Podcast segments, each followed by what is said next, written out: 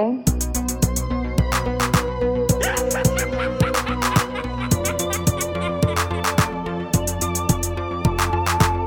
Oh, Hal, do you read me? Do you read me, Hal? Affirmative day. I read you. Welkom in deze eerste september-aflevering van Gremlin Strike Back. En we zijn back. Is te zeggen, we zijn terug naar onze zomerbreak. We zijn niet echt weg geweest, maar we zijn toch ook niet echt aanwezig geweest in jullie leven. Niet alleen met ah, een nieuwe aflevering met ons drie samen, maar ook op onze social media, waar we een beetje in eh, vakantiestemming en wat lui.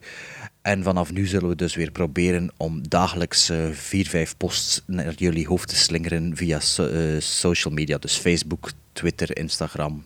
En hebben we nog iets? Letterboxd zeker, hè? Letterboxd, Ehm, ja, jongens, goede zomer gehad. Superzomer. Ja, ja. Ja, Veel goed Ja. mee. Veel goed mee. We rap, voor, rap vooruit gegaan, vind ik. veel te goed weer, maar dat is dan ook weer perfect cinema weer. Dus. Veel, veel te goed weer, want het is zomer. Nee, maar het is toch een goede zomer geweest, goed Ja. weer. En dan, dan, dan is het wel duidelijk als je in, in de cinema zit dat er weinig volk eh, toch die stap maakt. Maar terwijl het daar cool is, airconditioning. Mhm. Dus ik heb dat een paar keer gedaan. Maar wel donker, hè? Ja, maar ja. Ja, ik vind Dat overdag, in de cinema, hè? ja, maar overdag zo in de donkerte in de zomer gaan zitten, dat, dat uw ogen dan als je buiten komt zo 20 minuten moeten aanpassen, dat vind ik altijd wel jammer. Dat voel ik me Oh, altijd er een beetje er zit een schuldig. zonnebril op, hè. Ja, maar toch, toch. We zijn niet allemaal gesponsord, is Sven. Eh, ja, de zomeraflevering. We hebben het er, hebben we het er al over gehad? eh, Op onze... Nee, nog niet, hè? Nee, nee, nee. Nee. Ja, dus eh, ja, Sven met zijn uitgebreide Hills Are Alive eigenlijk, hè, een radioprogramma. Een beetje aan het solliciteren voor eh, Radio 1. Of eh, Radio 3, of Clara, of hoe heet dat? Ja, Clara. Ja, ja ik, echt, een echt goed eh, eh, filmmuziekprogramma, dat, dat, dat, dat is er niet, hè. Of, of vergis ik me nu? We sturen Nee. dat op naar, uh, Vroeger was dat van echt- Egem mee of zo. Wie is er dat een bas? Natuurlijk, ik heb niet de, de, de mooie uitspraak, omdat... eh, Zeker niet voor Radio Clara. Nee, zeker niet. Maar eh, gewoon filmmuziek moet terug meer, ja, terug meer wat aandacht krijgen. Maar je, moet dat oplossen zoals ik. Hè. Niet zeggen en gewoon nummertjes aan elkaar mixen. Ja. Hè. Want- ja, maar ik, ik was begonnen, ik was tegen mezelf aan het spreken en ik vond me echt... Ik zeg, ja, dat, dat is niets. Respect voor, eh, voor eh, Sven en Maarten, dat jullie dat zomaar even eh, uit jullie mouw kunnen schudden.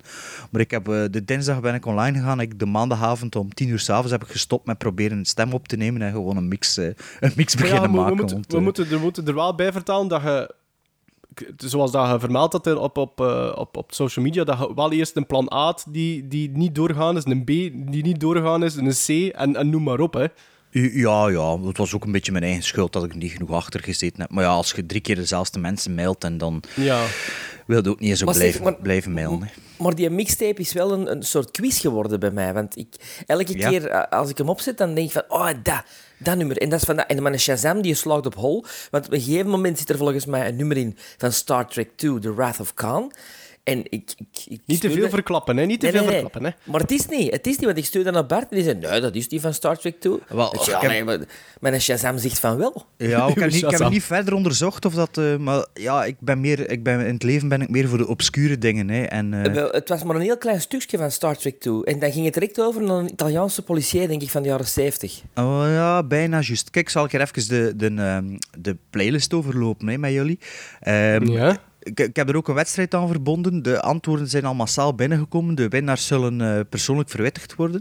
Ik heb dus op een rommelmarkt eh, drie Duits, Duitse versies van eh, John Carpenter films gekocht. dacht, dat is nog leuk als een prijsvraag. De- aan de antwoorden te zien is iedereen wel dol enthousiast om die te winnen.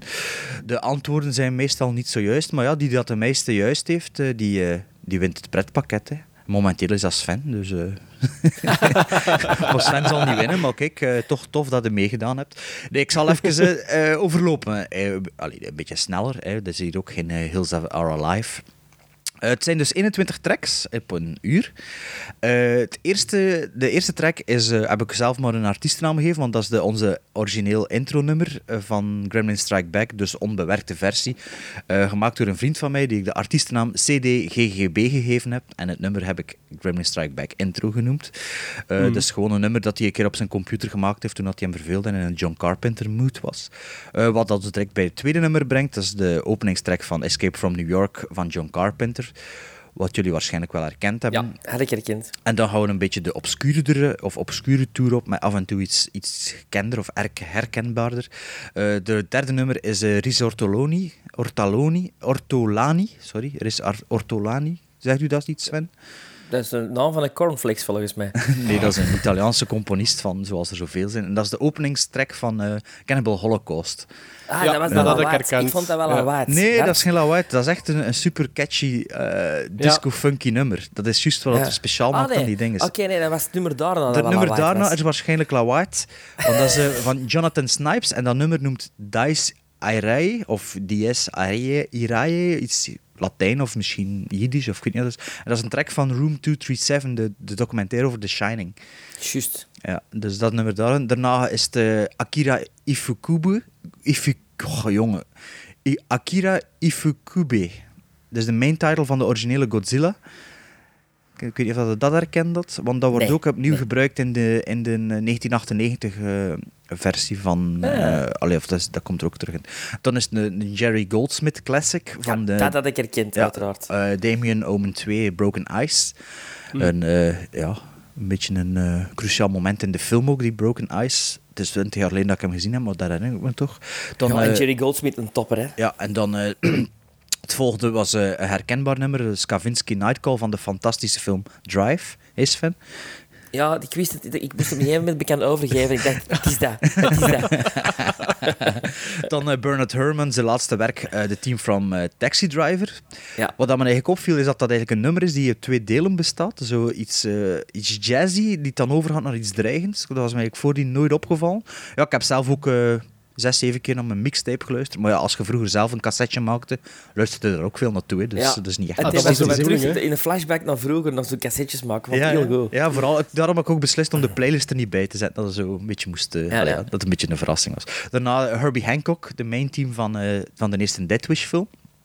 Eh, Oké. Herbie Hancock is toch een bekende eh ja, funk-muzikant. hè. Ja, Ja, absoluut. ja, Oscar gewonnen voor Round Midnight. Ah ja, voilà. voilà. Ah, ja, daar waren we een keer over, mee, over bezig en we konden Ja. dan niet op zijn naam komen. Hè. Eh, Daarna, eh, want die was de dag ervoor overleden, eh, de eindgeneriek van Zware Jongens door. Toet. En toen ging ik uit mijn dak. Want dat is een geweldig thema. Als je dat een keer hoort, er zit een week mee in mijn kop. Dat is een ongelooflijke oorworm. En ja, Zware Jongens is nog altijd een van mijn favoriete Vlaamse films ever. Wel, over Vlaamse films gesproken, daarna heb ik nog een, eh, een Antwerpse link eraan geplakt. Dat namelijk moest ik eh, de. Eric Ferremans, eh, Harbor Fight uit The Antwerp Killer. De Antwerp maar dat is Killer, goed, joh. Het ja, beste element aan de film is volgens mij nog altijd de soundtrack, De die muziek, niet, ja. niet gebruikt is En- in de film. En Shazam herkende het. Ja, maar dat is uitgebracht hè, door eh, eh, Ja, ja. Finders Keepers of zo, het label van eh, een Brits label. Vorig jaar is dat uitgebracht. Ik heb, dat, ik heb die Hm. LP trouwens gekocht in de Mediamarkt eh, vorig jaar. Dus als je in de Mediamarkt en door de vinyl eh browst, kunnen die wel nog tegenkomen. En daarna zijn we nog een beetje obscuur gegaan. Dus eh, Walter Rizzati. En van welk land zou die zijn? Italia. Italië. En het nummer heet Bronx 1990. En dat is eh, de openingstrack van The Bronx Warriors. Al 1990, The Bronx Warriors. Een Escape from New York Mad Max rip-off die ik afgelopen zomer voor de eerste keer gezien heb. Ehm, ja, ik vond dat ook wel een fantastische film eigenlijk. Het volgende nummer is een unreleased nummer. Uit 1982, de main team van Night Beast, gemaakt door Jeffrey Abrams. En dat is eigenlijk de eerste screen credit van J.J. Abrams, die. Toen 16 jaar was. Alle. En eh, Night, Night Beast is een ja, BC-film. uit, eh, gemaakt door een regisseur die eigenlijk ook een, ehm, een horror... eh, nee, wat, wat, wat maakte die weer? Ik heb het eens opgezocht. Die maakte een magazine die, ehm, ehm, die eigenlijk special effects uitlegde. Dus die, dat was een beetje een horror sci-fi magazine waarin dat er ook gezegd wordt hoe dat een bepaalde cameratrucs kon doen of special effects of visual effects. En. J- Jeffrey Abrams toen nog was eigenlijk een fervente lezer daarvan en schreef ook vaak brieven naar de redactie slash de enige mens die dat waarschijnlijk runde. En ehm, die, die als is vermeld, ja, die, die schreef brieven om, om verduidelijking te vragen. Van ja, ik heb dat geprobeerd, dat lukt niet. En eh, hoe doet het dat? Of hoe zou ik dat doen? En ook gewoon algemene brieven. En in een van zijn brieven had hij vermeld van ja, ik maak ook muziek op eh, synthesizer. En ehm, die, die gast, zoals zijn naam ontsnapt me nu, eh, schreef terug van ja, ik maak een film. als je wilt mag, de, mag de, de, een, een thema schrijven. Oh, nee. En zo is dat. Alle. En zo heeft Jes- Jeffrey Abrams op zijn synthesizer in 1982 dus een, eh, een Dus die is een beetje van, van alle markten thuis eigenlijk, Abrams. Oh. Die is eigenlijk zo wat begonnen als liefhebber van, van special effects zelf uit te proberen en dan muziek eh, componeren. Oh, ja, en- eigenlijk, eigenlijk wat je bij de meeste Hollywood-regisseurs wel merkt, hè, die, die zo Ja. zelf begonnen zijn eh, op, op een kamertje alleen. Wat dat die eigenlijk ook in Super 8 een beetje...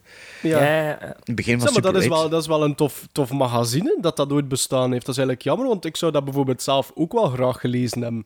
Ik denk je dat je dat wel op eBay of zo kunt vinden. Zijn, eh, als je even de details opzoekt van, eh van Nightbeast. En Eh, dat is een, een Amerikaans magazine. Ja, ik denk van Baltimore. Want ik, toen dat ik er een artikel over gelezen o- o- heb over die film en zo, kwam John Waters ook tevoorschijn en de Ja. DIY-film maken en zo. En eigenlijk is Nightbeast in, ne- uit 1982 een remake van dezelfde regisseur, een film uit 1979, maar met een groter budget. Dus, eh, Eh, de, het volgende nummer, nummer 14 van de 21, is Bobby Beausoleil. Eh, Lucifer Rising Take One vanuit de documentaire of speelfilm, dat weet ik eigenlijk niet goed, of experimentele film Lucifer Rising van Kenneth Anger. Kennen jullie Kenneth Anger? Staat ook op de hoes van Sgt. Pepper's Lonely Heart Club Band. Is eh, eigenlijk een, ehm, een boegbeeld van het satanisme. Alle. Eh, ja, en ik denk dat Bobby Beausoleil, ik heb er nog ooit boeken over gelezen, niet over hem persoonlijk, maar waarin dat hij vermeldt. Ik denk dat hij ook iets te maken had met de Manson Family in der tijd. Ja, oké. ja, ja. Eh, maar ja, Hans, die, eh, die eh, Californië satanistische scene, eh, ik, ben, ik heb er ooit wel een beetje verdiept. Heb de links het laten liggen, ja. Nee, Ja. nee, niet links laten liggen. maar ik, ik ben het allemaal een beetje vergeten. Het volgende is, ehm, is nummer 15, is de eerste score van eh Waylon James Horner. En dat is de main title van Humanoids from the Deep. Oh, dat van- heel, heel Ja. hard. Maar de eerste score is normaal Star Trek 2. De eerste, bedoel... Ja, zo'n grote... ah, wel, ja, waar, het zou kunnen, ik heb dat nu niet opgezocht, dat dat nummer ook hergebruikt is in Star Hij Trek. is zijn eigen geripoft volgens Dat mij. hij het zijn eigen wat makkelijk gemaakt heeft. Of Ja. ook ja, nog beginnersfouten. Hè. En volgens Shazam is dat een nummer uit Star Trek 2. Klopt Ja. dat? Wrath of Khan, is dat? Ja.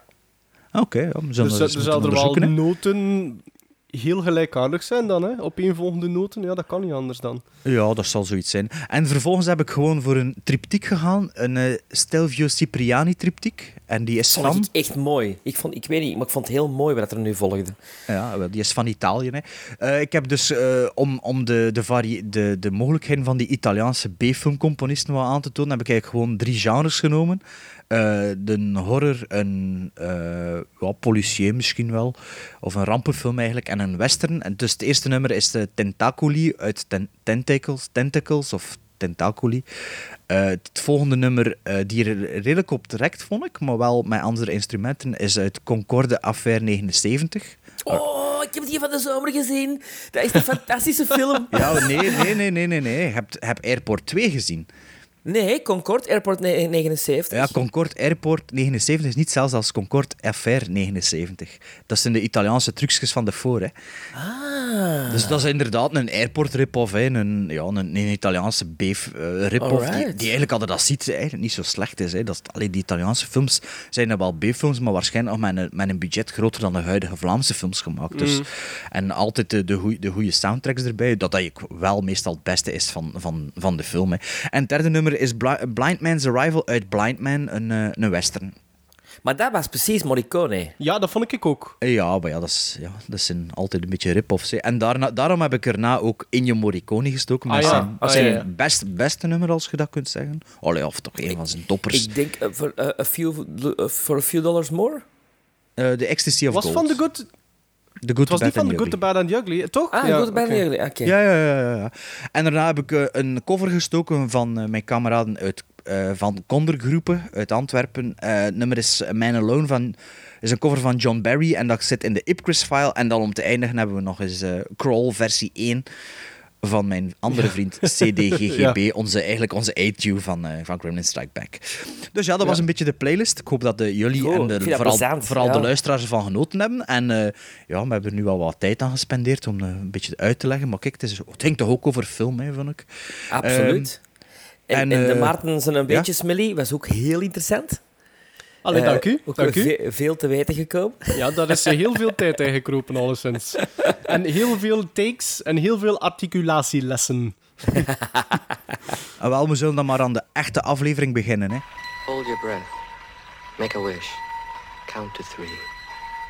Come with me, and you'll be in a world of pure imagination. Take a look, and you'll see into your imagination.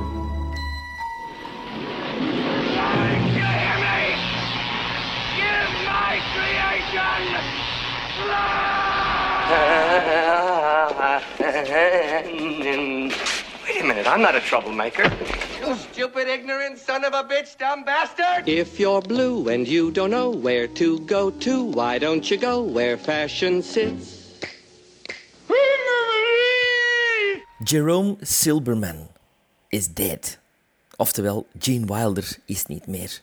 Mannekes, het sloeg in als een bom bij mij. Ik bedoel, Ja. oké, we zijn David Bowie en Toet Stielemans en Prince verloren dit jaar. En zelfs Kenny Baker. Maar deze was toch voor mij, allee, tot hiertoe, de grootste schok. Omdat ik dacht van, oh my god, my heroes are dying. Oud Eh, worden. Gene- ja, Gene Wilder is, de, is, is mee een van de redenen waarom dat ik eh, acteur ben geworden. Eh, ik heb dat in een vorige aflevering al eens gezegd, in de Mel Brooks special volgens mij. Dat door Young Frankenstein bij mij... Allez, Young Frankenstein en zag ik en toen zag ik ook het licht en dan dacht ik van ja, dit, dit wil ik gaan doen. Ehm, dus ik was daar echt... eh, ik heb het ook direct gepost. En direct, ik- social media ik, ik, gezet kreeg het- ik, ik, was, ik zat op mijn computer en kreeg het binnen, breaking news om 9 uur s'avonds. Ehm dus eh, ik denk dat jullie het ook eerst via mij wisten. Ja, ja, via WhatsApp hè, direct heb je het doorgestuurd. Ik, zat, ik, zat, ik zat op restaurant toevallig eh, die avond en ik, ik las het en ik was ook direct zo van, ah nee, Ja. zo jammer, zo... Hij is Ah. 83, 83 geworden, wat een respectabele leeftijd Ja. is. Eh, hij begon zijn carrière op Broadway aan de zijde van Kirk Douglas. In de toneelversie van One Flew Over the Cuckoo's Nest. Eh, waar ik hem direct zo in zie, met zijn eh, weirdo, eh, Ja. crazy over-the-top performances. Ehm, hij heeft twee Oscar-nominaties gekregen in zijn leven. Eén voor Best Supporting Actor in The Producers. Een beetje zijn introducing role ook. Ehm, want Mel, Brooks had hem zien spelen op Broadway met Anne Bancroft, zijn vrouw. hè, ehm, de vrouw van Mel Brooks. En heeft hem toen eigenlijk casting laten doen voor de producers. En vond het eh, direct een geweldige keuze. Ook eh, een nominatie gekregen. En zo is de bal aan het rollen gegaan, want toen kwam hij af met een eh, scenario van Young Frankenstein. En voor dat scenario heeft hij ook een Oscar-nominatie gekregen. Ehm, hij liet het lezen aan Mel Brooks en Mel Brooks had er zoiets van, ja, we gaan dat doen, we gaan dat maken. En voor mij nog altijd de beste Mel Brooks Ja, ever. same here, De- same de here. combinatie met die twee is, is ongelooflijk.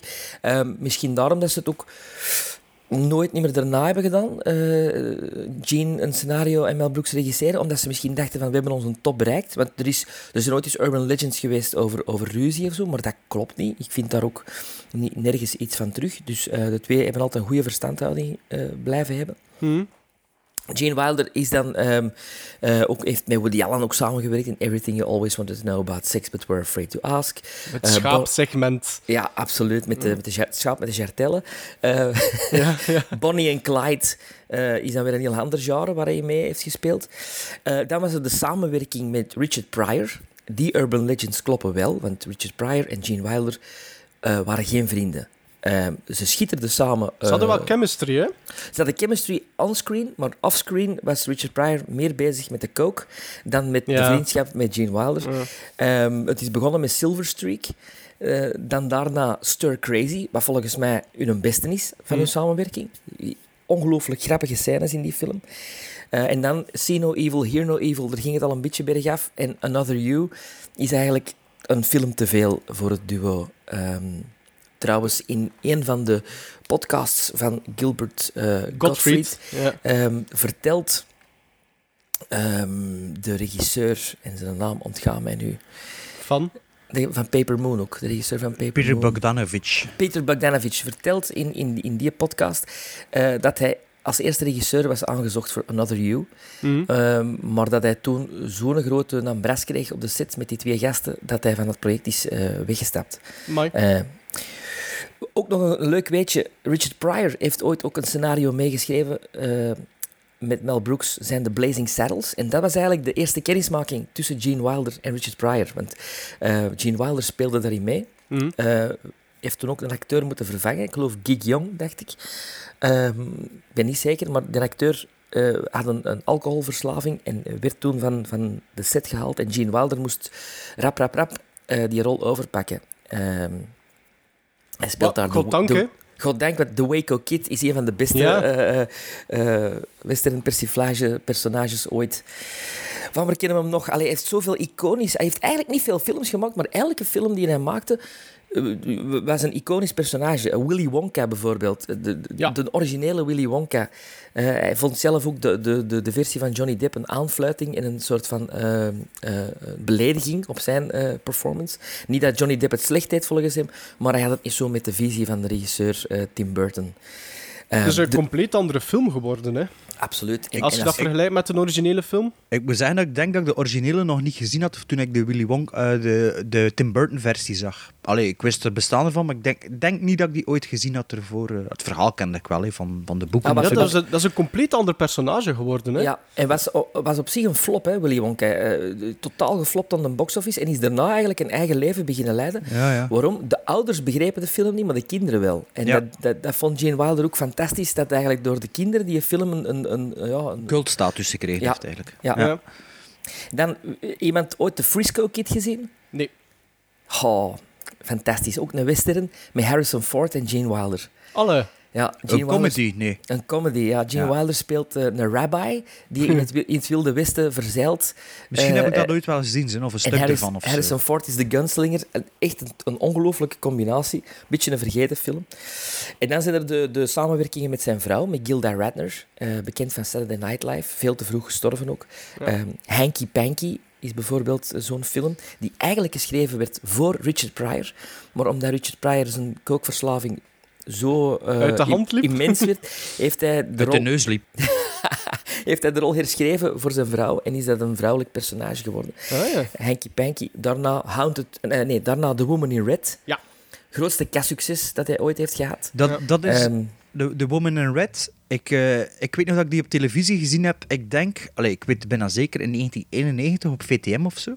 Op een zaterdag namiddag. En dat was de eerste keer dat ik een film met Gene Wilder, Wilder zag. Want eh, ik, ik weet, de- blote tetten herinner ik me nog. Wat ik was Kelly met, mijn moeder naartoe aan het zien. En volgens mij eh, is daar ook Paul Simon, dat nummer van Paul Simon is ook zo'n... com- Stevie Wonder. Of Stevie Wonder, ja, die Ja. komt, eh, komt veel terug. En dat, dat herinner ik me ook nog. En ook al is dat op het einde, dat hij zijn bloot met zo'n pingwaar, allee, met een badjas van het dak moest springen of zo. Nee, hij staat daar op tak Hij omdat staat op eigenlijk... zo'n richel. Zo, hè. Ja, omdat hij, omdat hij eh, betrapt wordt of zo, zeker. Of zo. Maar dit is geen originele film. Hij heeft het scenario geadapteerd van een Franse film. Un éléphant, ça trompe énormément, met Jean Rochefort. Wordt Ah, dat ook ja. niet vermeld in de credits? Dat wordt ook vermeld, absoluut. Ja? En er is een vervolg op Nous irons tous au paradis, waar hij altijd aan blijven werken is, maar nooit heeft verfilmd. Ah, Alle. ja. Ja, ja. Maar ik heb dus... Ja. Ja? Ik heb die film dus sindsdien nooit meer gezien, maar dat was dan ook toen dat internet begon en ik dacht plots aan die film, heb ik dat dan opzoekingswerk gedaan van wat, wat, is dat, wat was die film nu eigenlijk Voor die blote En- tetten waarschijnlijk. ja, gewoon omdat die film, is me wel, die film was me lang bijgebleven. En, en Dat is wel geen slechte film, hè? Voor mij een van de beste remakes van een Franse comedy. Want ze hebben dan zo'n heel... eh, eh, dan, was, dan was de, de weg open. Hè? Dan, dan deden ze eh, Three Fugitives, eh, Ja. eh, The Man with One Red Shoe. Allemaal remakes van Franse comedy. Maar die, The Woman in Red, zit het dichtste bij waar het moet zijn, volgens Woman mij. in Ja, Red is ja. 84 of zo, of niet? 384, zoiets, ja. ja, ja, ja. Dan Haunted Honeymoon. Een fantastische spoof op alle eh, eh, eh, Haunted horrorfilms en Haunted House films. Met Dom DeLuise en, en, en ook met Gilda Radner. En dan minder gekende films van hem, maar een beetje vergeten zelfs. Maar volgens mij zijn zijn twee beste films, buiten Young Frankenstein dan, die zijn ook van zijn hand als, als schrijver en als regisseur. De ene is The World's Greatest Lover. Dat is een parodie op de Valentino-films. Ja. En hij speelt eigenlijk een soort van eh Rudolf Valentino by accident. Eh, een heel toffe film als je die nooit eh, te zien krijgt. En dan The Adventures of Sherlock Holmes' Smarter Brother Sigismund. Wat een ongelooflijke titel is. Een parodie op de Sherlock Holmes films. Ja, die staat op Ja. mijn watchlist. Die laatste, die laatste, die, die laatste, The World's Greatest Lover heb ik ooit gezien, maar die van Sherlock Holmes die heb ik Ja. ook nooit niet gezien.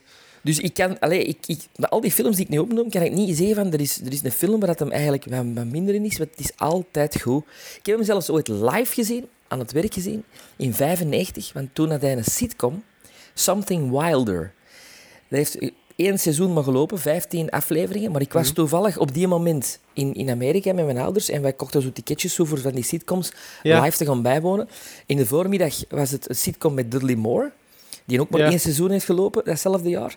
En in de namiddag was het Something Wilder. En wat ik mij herinner, is dat eh, er was een scène die, die vier of vijf keer opnieuw moest gebeuren, omdat een van de acteurs zijn tekst altijd vergat. Dat was heel pijnlijk. Ja. En, en die acteur die zijn tekst vergat, Was Sven speelt- de Ridder.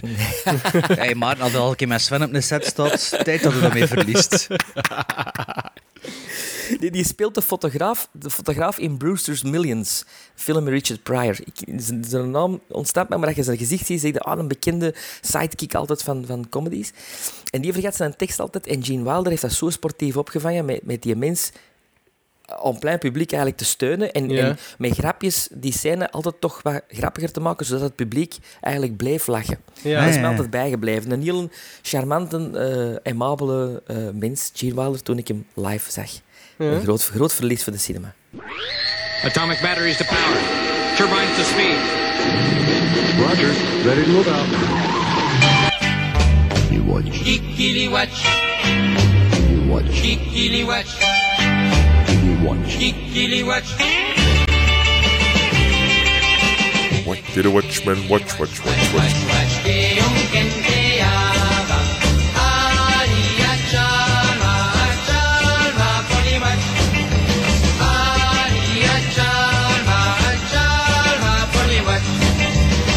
did a watchman watch, watch, watch, watch? Bart, What did a watchman watch, watch, Bart. watch, watch? Bart, we zijn Bart kwijt, denk ik. Gremlins Strike Back. Ja, we hebben natuurlijk twee maanden de tijd gehad voor naar films te, te kijken. Hè. We, we lagen wat stil, dus hopelijk hebben we allemaal wat titels gezien. Ik moet eerlijk zeggen, voor mijzelf heb ik redelijk wat films gezien wel tijdens de zomerperiode. Ehm, dus eh, eh, wat doen we nu? Een, een deluxe edition van What Did the Watchmen Watch? Eh, we zullen er ongeveer elk drie bespreken, maar we zien wel eh, hoeveel tijd dat er is en dergelijke. Ik weet niet wie dat er begint. Ehm, anders doe Bart? ik. Of Bart. Ja. Moet ik beginnen? Oké, ja, oké. Eh, in de zomer zie ik traditioneel wel minder films dan, eigenlijk, dan de andere seizoenen. Ehm, ik heb er 34 gezien de laatste twee maanden. Ik heb een lijstje gemaakt. 13, eh, 23 nieuwe en 11 of 12 rewatches. Ik heb er 15 35 gezien eigenlijk, want ik heb gisteren nog in gekeken. Eh, wat heb ik gezien voor de eerste keer? Fear and Desire van Stanley Kubrick. Eh, Day of the Fight, Flying Padre en The Seafarers, kortfilms van Stanley Kubrick. The Rocketeer heb ik voor de eerste keer gezien. Cemetery Without Crosses, een eh, Franse western, heb ik gezien voor de eerste keer. Eh, City of the Living Dead, Hell's a Poppin', Eye in the Sky, The Ghostbusters reboot, zoals we al Oh. op onze spo- spoed, spoed podcast besproken hebben. Life Force van Tobe Hooper, The Driver, The Iron Lady, Mac and Me, Rififi en The Naked City van Jules Of Dayson, want het is een Amerikaan. Eh, Green Room, Hardcore Henry, Star Trek Beyond, One Crazy Summer, Demolition, The Invitation en Nightmare City. Heb ik allemaal voor de eerste keer gezien. En wat heb ik opnieuw bekeken? Metallica, Some Kind of Monster, Deadpool, The Mask, Gremlins 2, Aliens, Commando, Labyrinth, Blue Harvest. eh, ah ja, de drie, de, de, de drie Family Guy films. Blue Harvest, some, eh, Something, Something Dark Side and It's a Trap, Little Weapon en Romancing the Stone. ben Deadpool, is nog ben- altijd, Deadpool is nog altijd een trauma voor Sven de Ridder. Maar waarom zullen we dat terugzien? Oh, mijn vriendin had dat nog niet gezien. En oh ja, En vond ze het slecht? Nou, ze vond het amusant. Dat was de eerste keer, zei Bart, dat was de eerste keer dat jij The Rocketeer eh, bekeken hebt. Ja, ik had de Rocketeer nog niet gezien. Ik ben me al bewust van die films sinds dat die uitkomt, want dat was ook een Super Nintendo-spel. Maar ik heb die nooit gezien. En eh, ja, ik heb, die Dat is dan, goed, hè? ik heb die dan eigenlijk 15 jaar een beetje uit het oog verloren, moet ik zeggen. Ja. En, en plots scho- schoot die film te binnen. Dus ja, over welke film moet ik het dan hebben? Kies maar. Ja, Hell's a Poppin vind ik wel tof, omdat ik die ook eh, ooit heb gezien en dat ik dat toen... Dat heeft een hele grote indruk op mij nagelaten. Die heb ik nog nooit niet gezien, maar ik weet, Bart, dat je daar wel over te spreken wordt, hè? Ja, ja, ja. Wel, Helse Poppen, heb chance, want ik heb dat een beetje voorbereid. Ik had er eigenlijk ook al voorbereid voor, mijn eh, solo-aflevering, maar ja, dat ja, dacht dan ook, ja. Allee, ik heb het al gezegd. Hè. Nee, Helse Poppen is dus een, eh, een soort komische musical uit 1941. Maar musical is in, in die tijd, als je nu uh, hedendaagse musical, dan, dan denkt eigenlijk aan zingen, zingen, wandelen, zingen, wandelen. Maar, maar toen was dat nog meer echt zo een liedje om de 15 minuten of zo, hè, zoals in de classic Ja. Disney-films. hè. En Ja. bij Helse Poppen is natuurlijk ook, dat is ook een beetje het geval. Ehm, de, de film doet, ook, me- doet mij ook een beetje denken aan een screwball comedy, waarin dat er ongelooflijk snel gesproken wordt en rap van het een naar het ander gegaan wordt. Ehm, het verhaal gaat dus ehm, over. Ja, het is een beetje. Wat dat de film eigenlijk speciaal maakt. Trouwens, ook een van de favorietste film van eh, Joe Dante, de regisseur van Gremlins en zo. Eh, Wat dat de film, eh, de- komische musical, eigenlijk speciaal maakt, is dat ze constant de third wall doorbreken en het, het concept film maken betrekken in de, in de film. Dus het verhaal gaat over een, een, ehm, een man die verliefd is op een rijke, rijke luisdochter, zo gezegd. En die wil haar te huwelijk vragen op een, eh, op een groot feest. Eh, waar, waar ook... eh, goh, hoe zit het nu weer? Ehm, maar maar die, die vrouw is verloofd met een, een man, met een andere man, dat ze niet echt ziet zitten of zo. maar die wel wealthy is. Die, die, die gast die verliefd is op die rijke dochter, die is niet, niet, niet wealthy. Hè, niet, niet rijk, maar heeft wel een Broadway musical gemaakt. En ehm, er is een bekende producer aanwezig op dat feest. En daar wil hij indruk maken met zijn, met zijn stuk op de producer. En zo een kassucces eh creëren, waardoor, ehm, waardoor hij dan toch wel rijk zou worden. En als die, de producer hem dan een contract aanbiedt, zou hij dan de, de, het meisje dan toch ten huwelijk vragen. Ja, ja, ja, ja. ja. Ehm, en dan zijn er natuurlijk een hele, hele hoop FC de kampioenen situaties die ook in het scenario sluipen. Misverstanden langs alle kanten. Maar er zijn dus twee, ehm, twee personages. Wacht, ik heb het opges- opgeschreven. Olle en Chic. En dat, zijn eigenlijk, dat waren toen twee Broadway-sterren genaamd Ollie Olsen en Chic Johnson. Die eigenlijk zichzelf spelen, of toch de, de Broadway-versie van zichzelf op het grote scherm. Die ervoor moeten zorgen dat, de, dat een van de misverstanden die me nu ontglipt, eh, eh, opgelost geraakt. En dat het niet allemaal in het honderd loopt. Maar wat er dus constant in de film gebeurt, is dat er wordt gesproken met de projectionist van de film. 1941 pre. De enige manier om een film te zien toen was eigenlijk in de cinema. Dus er is geen televisie, er is geen eh, ja, iPhones of zo natuurlijk ook niet. Eh, dus, dus er wordt constant een, een soort third wall verbroken, maar niet ten opzichte van de kijker, maar eigenlijk ten opzichte van de projectionist of de regisseur of de, de monteur en zo. Dus, Ja, ja. dus soms worden uit het verhaal gehaald op die manier. Maar het is niet enkel dat. Er zitten heel veel ehm, eh, visuele grappen in. Er zitten veel eh, woordspelingen, zoals bij de Marx Brothers en dan later ook Mel Brooks. Want ik denk dat eh, naast de Marx Brothers Helze Poppen een heel grote invloed geweest is op Mel Brooks zijn werk. Volgens mij. En zeker de producers. Maar zeker de producers ook. Want als je, als je Helze Poppen bekijkt, dan zie je constant dingen die, die ik een paar maanden terug in de producers ook gezien heb. Eh, maar, maar dus de film is zo'n hodgepodge van, van allerhande dingen. En ook absurde humor zit erin. Dat, ja, dat me eigenlijk verbaast dat die film niet gekender is of, of niet, niet de populairder echte, is. met de echte filmkenners wel, ze. Die, Ja. die, Maar ik meen dat er ook een soort eh, ehm, copyright-probleem is met de film, waardoor dat hij niet, niet echt meer eh, te, te krijgen is of te vinden is. Of, Ah, ja, ja, ja. of geen wereldwijde release heeft, of geen remakes, of wat weet ik allemaal. hè. Er zit ook een scène in Deconstructing Harry van Woody Allen die echt letterlijk bijna qua decor en qua, qua, qua musicalnummer uit Helza Popping komt. Ja. Met, met een scène met Billy Crystal en Robin Williams als... ehm, als eh, is Robin Williams? Eh, enfin, iemand komt in de hel terecht en dat is heel, heel de Helza Popping setting. Ah ja, ja, ja. Er zit ook een fantastische dansscène in. ehm, bij zo, ik denk een dansscène van vijf minuten. En zo'n ding, ja, ik ben er niet door onder de indruk. Vind dat eigenlijk maar dwaas meestal. Maar in dit geval, dat was zo'n dans. Mijn vriendin kende dat, maar ik weet niet meer hoe dat noemt. Dat er zo echt zwarte aan het shaken zijn, maar echt abnormaal. eh, in, in een ruime De, shot. Dus dat is de jitterbug de waarschijnlijk. jitterbug of zoiets, ja. Het Ja. zal zoiets geweest zijn. En het echt, echt een fantastische dansscène eigenlijk. En eh, ja, ja, ik was echt onder de indruk van de film. Tempo ligt ook hoog.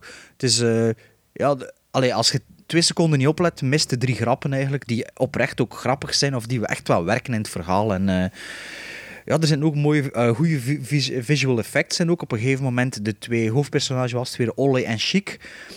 De ene zijn benen verdwijnen en de andere zijn, zijn bovenlichaam, omdat de monteur iets aan het doen is. Ja. Dus ze spreken, dan, ze spreken dan tegen de monteur of tegen de projectionist.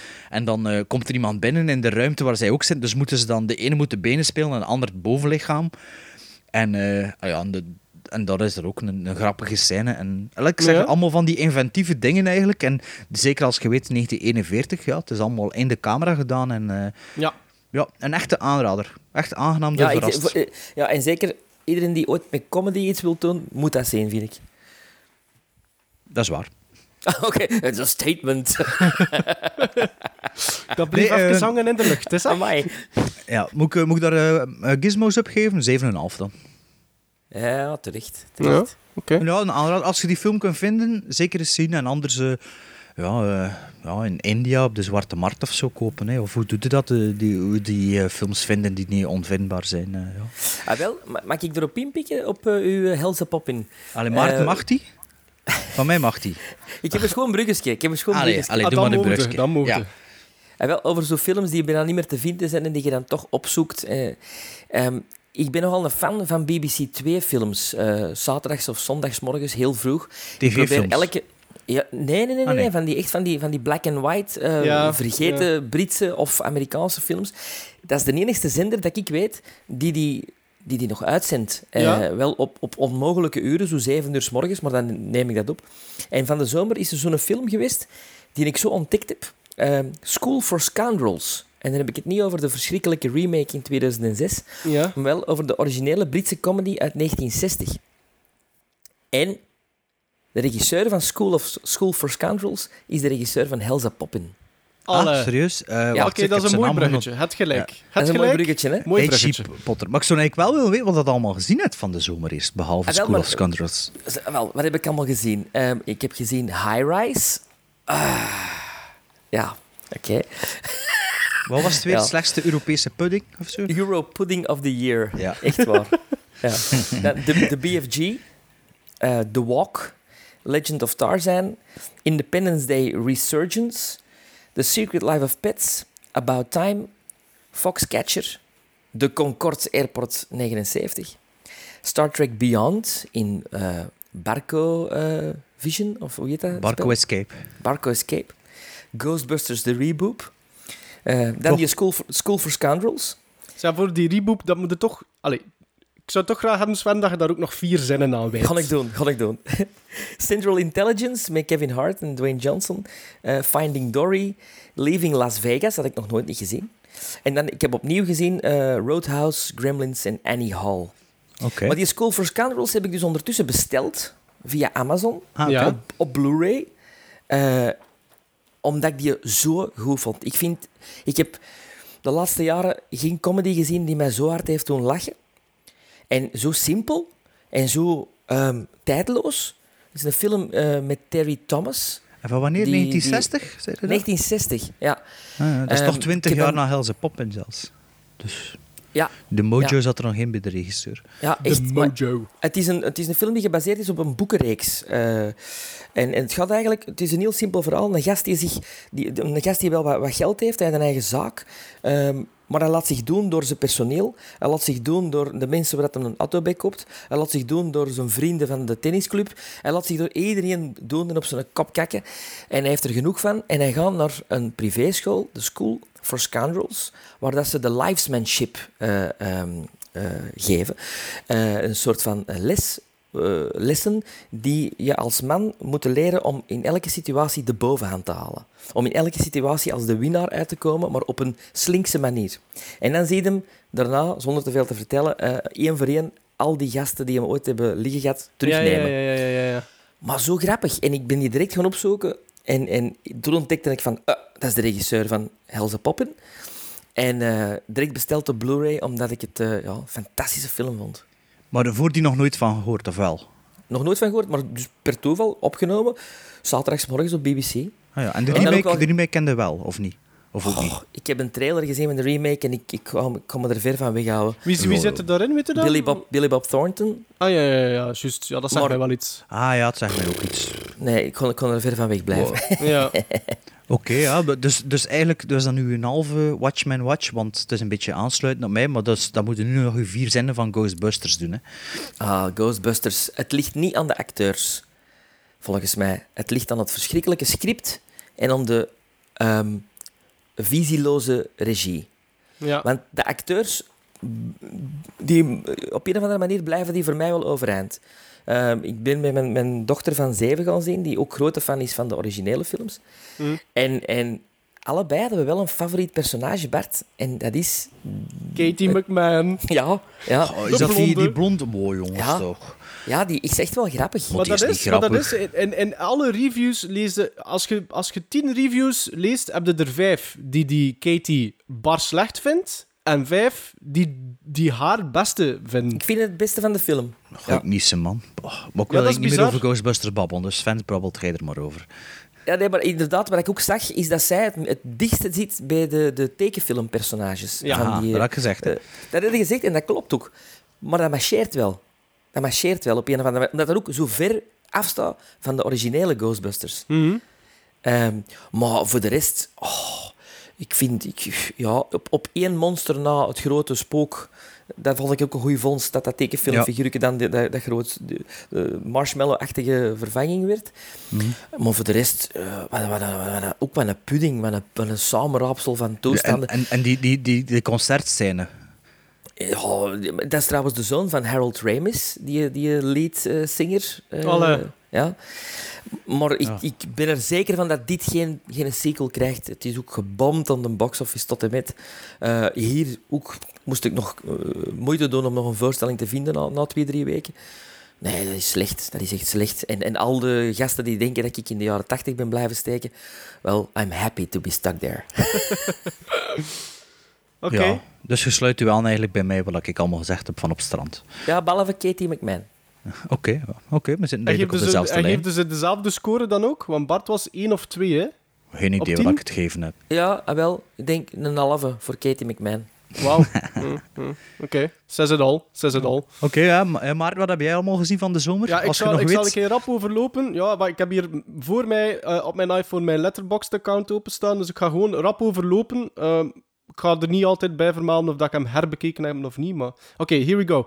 Ik heb eh, Bloodsport herbekeken, Copcar gezien, Cell gezien, Speed herbekeken, Tremors, Tremors 2, Runaway Jury, Waterworld, The Time to Kill, Piranha, The Last Castle, Tremors 5, dus de meest recente, waar dat we het ooit wel een keer over gehad hebben, denk ik. Bad Milo, Wishmaster 4, Bill and Ted's Excellent Adventure, Deadly Blessing, Excellent! Q, Q the Winged, uh, the Winged Serpent, eh, Copycat, eh Hausu, The Terror Within, eh, dan twee documentaires ook, The Wolfpack en Actress. Dan The Lovely Bones. Ik heb een beetje eh, mijn Resident Evil toestanden heropgefrist door ook de, de Summer Special, waar dat ik het even gehad heb over die Resident Evil die nog moet uitkomen. Dus ik heb Resident Evil 2, 3 en 4 herbekeken. Fo- Foxcatcher, Still Oh. Alice, Contagion, The Normal Heart en The Fugitive herbekeken. Oké. Catcher Ehm, is goed, hè? Ik heb er drie, sowieso al drie gekozen. Ehm, en eigenlijk pak de meest recentste dan, om, om onze Ah, wel, luisteraars een ze- beetje actueel te houden. Ah, maar ik, heb, ik, heb, ik, heb, ehm, ik heb ze zo gekozen. Ene dat ik fantastisch vind, ene dat ik goed vind en ene dat ik eigenlijk een beetje in teleurgesteld was. Eh, ik ga beginnen met degene die ik goed vind. Eh, niet super, maar goed. Is Foxcatcher, inderdaad. Ehm, uit 2014, eh, dacht ik. Ja, 2014. Ja, in België in 2015 volgens mij. Ja, geregisseerd door Bennett Miller, die ook Moneyball met Brad Pitt en Capote met eh, de betreurde Philip Seymour Hoffman eh, geregisseerd heeft. Ehm gaat over een, eh, een worstelaar, de, de, de Olympische Spelen variant, niet het spektakelworstel. Mark Schultz, gespeeld door Channing Tatum, die een aanbieding krijgt van een zekere John Dupont, gespeeld door Steve Carell, wat al een schatrijke erfgenaam is van de familie Dupont, om bij hem thuis zijn voorbereiding te doen op het WK. Het speelt hem af in de jaren 80, die film, op het WK en de daaropvolgende Olympische Spelen. En die heeft blijkbaar een Hanse trainingsfaciliteit klaar eh, op zijn estate, op zijn landgoed. En hij wil eigenlijk, het is zijn droom om een, om een, een ploeg samen te, eh, te stellen van, van Amerikanen, het team Foxcatcher, waar dat hij dan de coach of eh, de mentor eh, van zal worden. En ik vond dat een goede film. Ik vond dat een goede film. Het, het duurt meer dan twee uur. Maar ik vond dat ehm, ja, iedereen daar goed staat te acteren. Je hebt ook eh, Mark Ruffalo, die, Ja, Die Mark is Ruffalo, fantastisch die, ja, fantastisch is. die ook Eh, waar eh, een beetje ondergebruikt wordt, helaas weer, net zoals Ja? in The Big Short. Eh, is het in The Big Short dat die ook zit? nee, dat andere. eh? Spotlight. Spotlight. ja, Spotlight. Ehm, ja, die, die, die, zowel mijn vrouw als ik vind, allee, zien Mark Ruffalo heel graag spelen. Ehm, maar Foxcatcher is, is een film Het is een drama. Het zit een beetje thriller is waar elementen gebeurd, hè? Het is eh, gebaseerd op waar gebeurde feiten, inderdaad. Ehm, en dat is zo'n film die even nog mij bijbleef, dat onder mijn vel bleef hangen. Absoluut, ja. Maar en ik ik had vind dat, dat ik moet eerlijk zeggen, ik had dat niet verwacht. Ja, maar ik Dus- vind dat dus- een goede dus- regisseur. eh, hoe hoe noemt Bennett hij weer? Miller. Ja, ik Bennett vind Moneyball Miller, vond ik ook heel goed eigenlijk. Ja. Ja. En, ik vond eh, Capote... Capote ook, hè, ja, ja. Of Capote, ja, ik weet niet juist hoe dat je het of uitspreekt. Capote. Heb ik hier ook op Blu-ray. Ehm, vond ik een hele goede film zelfs. Eh, Ja. Maar in Foxcatcher de sfeer en de kleuren Ja. en de dreiging die de tijd... Dat kan hij heel goed. is ongelooflijk. Dat is een regisseur die volgens mij... Oké, heeft, heeft goede acteurs natuurlijk ook wel, hè. Eh, maar die altijd wel het beste daaruit, Ja, vind en ik zelf, zelfs die protheseneus van eh, Steve Carell Steve Carell, ja. wel. Hè. Maar Channing Tatum zijn gezicht is ook... Allee, dat is ook niet... Ja, ja, maar die ook wel- heeft ook niet zo'n wel aan, gigantische hè. neus, Nee. natuurlijk. Allee, ja. Nee, nee, nee, nee. En, en dat was een beetje op voorhand dat ik dacht, ja, die neus is misschien wel, maar allee, ze speelt gewoon storen, weg. en, eh, Ja, ja, ja. ja. Ja, die manier ook dat hem zo echt zo altijd naar boven ziet, Ja. Carell, zo echt fantastisch. ja, die ogen die zo En, weet en, en wat, dat ik tof, wat dat ik tof vond op, op, op, op het einde, want het tempo ligt ook zo hoog niet hè, van Foxcatcher, dus dat is 2 uur en 8, als ik me niet vergis, eh, runtime. Je hebt zoiets van, je blijft nog altijd met vragen zitten. En, maar niet storend. Ik had nog altijd, maar hoe de fuck is die de John Dupont eigenlijk? En, en wat is zijn probleem?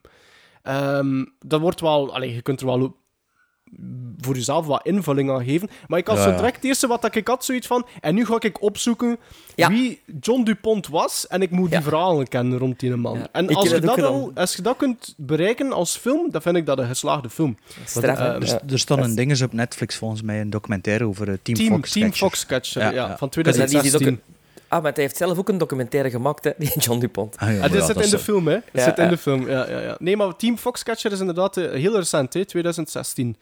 Eh, Nee, nee, over, 2000 over... 2014 zeiden. Ah, ik dacht Foxcatcher. 16. Nee, nee, nee, nee van kunnen, ze. 16.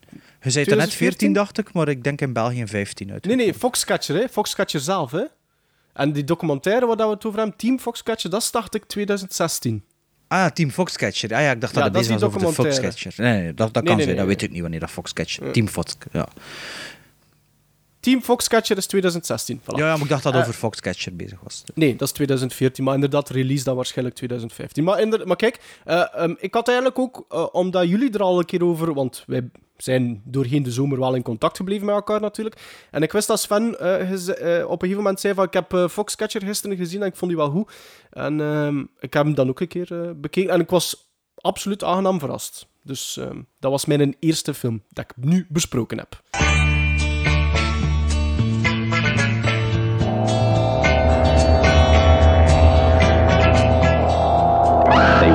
See something different, but something different saw them first. The hills.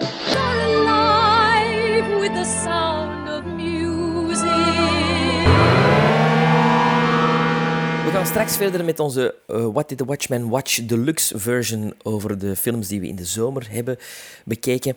Maar ik wil het even nu toch terug hebben over de filmmuziek. Hè. Zoals in alle Gremlin Strike Back afleveringen, of toch bijna allemaal, eh, is dit mijn segment waar ik eh, een beetje de filmmuziek uitlicht en eh, filmcomponisten. En ik ga het vandaag hebben over Lee Holdridge. Gekend bij jullie? Nee, Nee. denk ik. is dat een film, een componist of een Dat regisseur is, een, of een acteur? dat is een componist. Een componist geboren in 1944 in Port-au-Prince, Haiti. En zijn eerste wapenfeit was in 1973 de achtergrondmuziek voor Jonathan Livingston's Seagull te maken. Ehm, de- zijn grote doorbraak kwam er dan pas in 1982 met een meesterlijke score van The Beastmaster. De uiterst genietbare Conan rip-off met Mark Singer en sexy Tanya Roberts. Eh, comedies zijn er ook eh, Mr. Mom met Michael Keaton, Mickey and Maud met Dudley Moore, Transylvania 6 5000 met Jeff Goldblum en de onvergetelijke muziek uit Splash. Zijn latere oeuvre bestaat echter uit tal van televisiefilms en reeksen en hij heeft zich nooit niet meer terug naar dat grote scherm kunnen eh, sleuren. Maar ik ga het hebben over een film uit 1991. Een film met in de hoofdrol Richard Keel.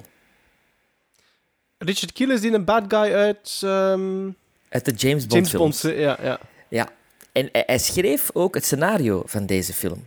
Kiel was in het echte leven een, een heel minzaam man. Een hele zachte man, ondanks zijn figuren die hij speelde. Monsters, schizo's, aliens, handlangers van bad guys. Hè. Een van de weinige James Bond baddies die twee keer eh, in een James Bond meespeelde. Zowel The Spy Who Loved Me als Moonraker.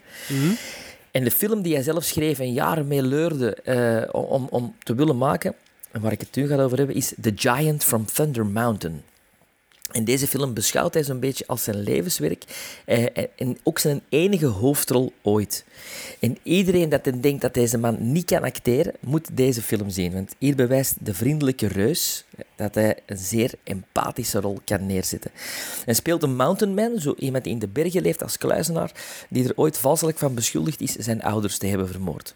En hij sluit vriendschap met, hoe kan het ook anders, een meisje, een kind. Wat meteen de link met Frankenstein geeft. Ja. Het is een zeer mooie familiefilm slash western met prachtige muziek van Lee Holdridge.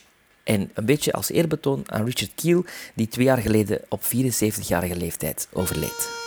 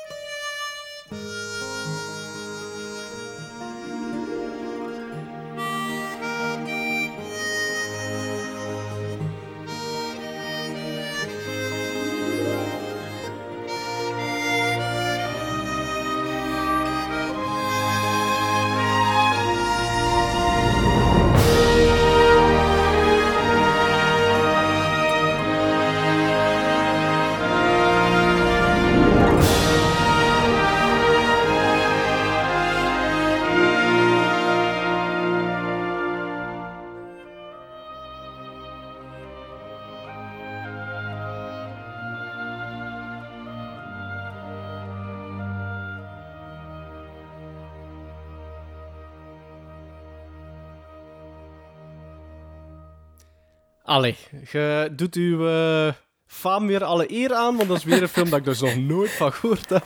Ja, is, ja. Ah ja, die Maar Richard Keel is die dat ik dacht dat was. Ja, ja. ja de Jaw, die, hij speelt Jaws, hè, met Ja, zijn... Met zijn Ja, Metalen tanden. Ja. ja. Of Steel Maar Jaws. het is wel een aanrader. Ja, Sven, ja. ja. eh, ja, omdat, het, omdat vooral Richard Keel in een, in een daglicht wordt gezet waar je niet verwacht. En echt wel Ja. een goede- goede performance geeft. Klinkt een beetje, maar het zal zo niet zijn, maar het klinkt like The Princess Bride als je zo vertelt. Maar dat, dat is totaal niet Nee, het het geval. is, het is meer zo'n een, een, een, een eh, Disney-achtige western eh, van in de periode jaren 80, eh, jaren 90 zo. Ja, Ja. ja. Ik kan me er iets bij voorstellen. Maar oké. Ik zet het niet op mijn watchlist, maar eh, goed om te weten.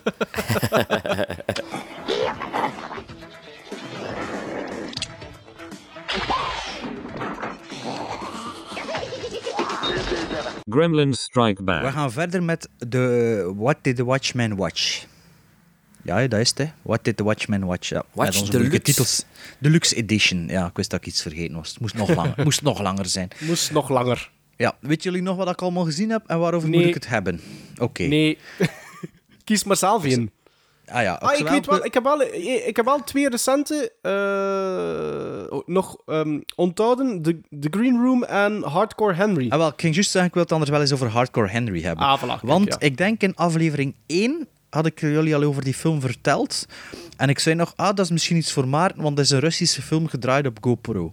En toen, zei- toen, hij van, ja, is dat een, is dat een Ik- vereiste voor mij om dat te zien op, eh, omdat ja, dat ja, ja, ja, ja, Ja. ja. Wel, ik heb hem dus gezien ehm, op uh, hoe noemt dat, eh, video on demand. Maar ehm, Ja. het was ook een bewuste keuze om die niet in de cinema te gaan zien. Want ehm, het is allemaal first person. Allemaal GoPro, dus de kwaliteit is iets minder. En met dat vooral omdat het allemaal in first person was, had ik toen dat hij in de zaal kwam ook een beetje beslist van ja, dat moet ik niet zien in de cinema of ik kan misselijk worden. Of het had te, het had te intens worden om, om goed te kunnen zien.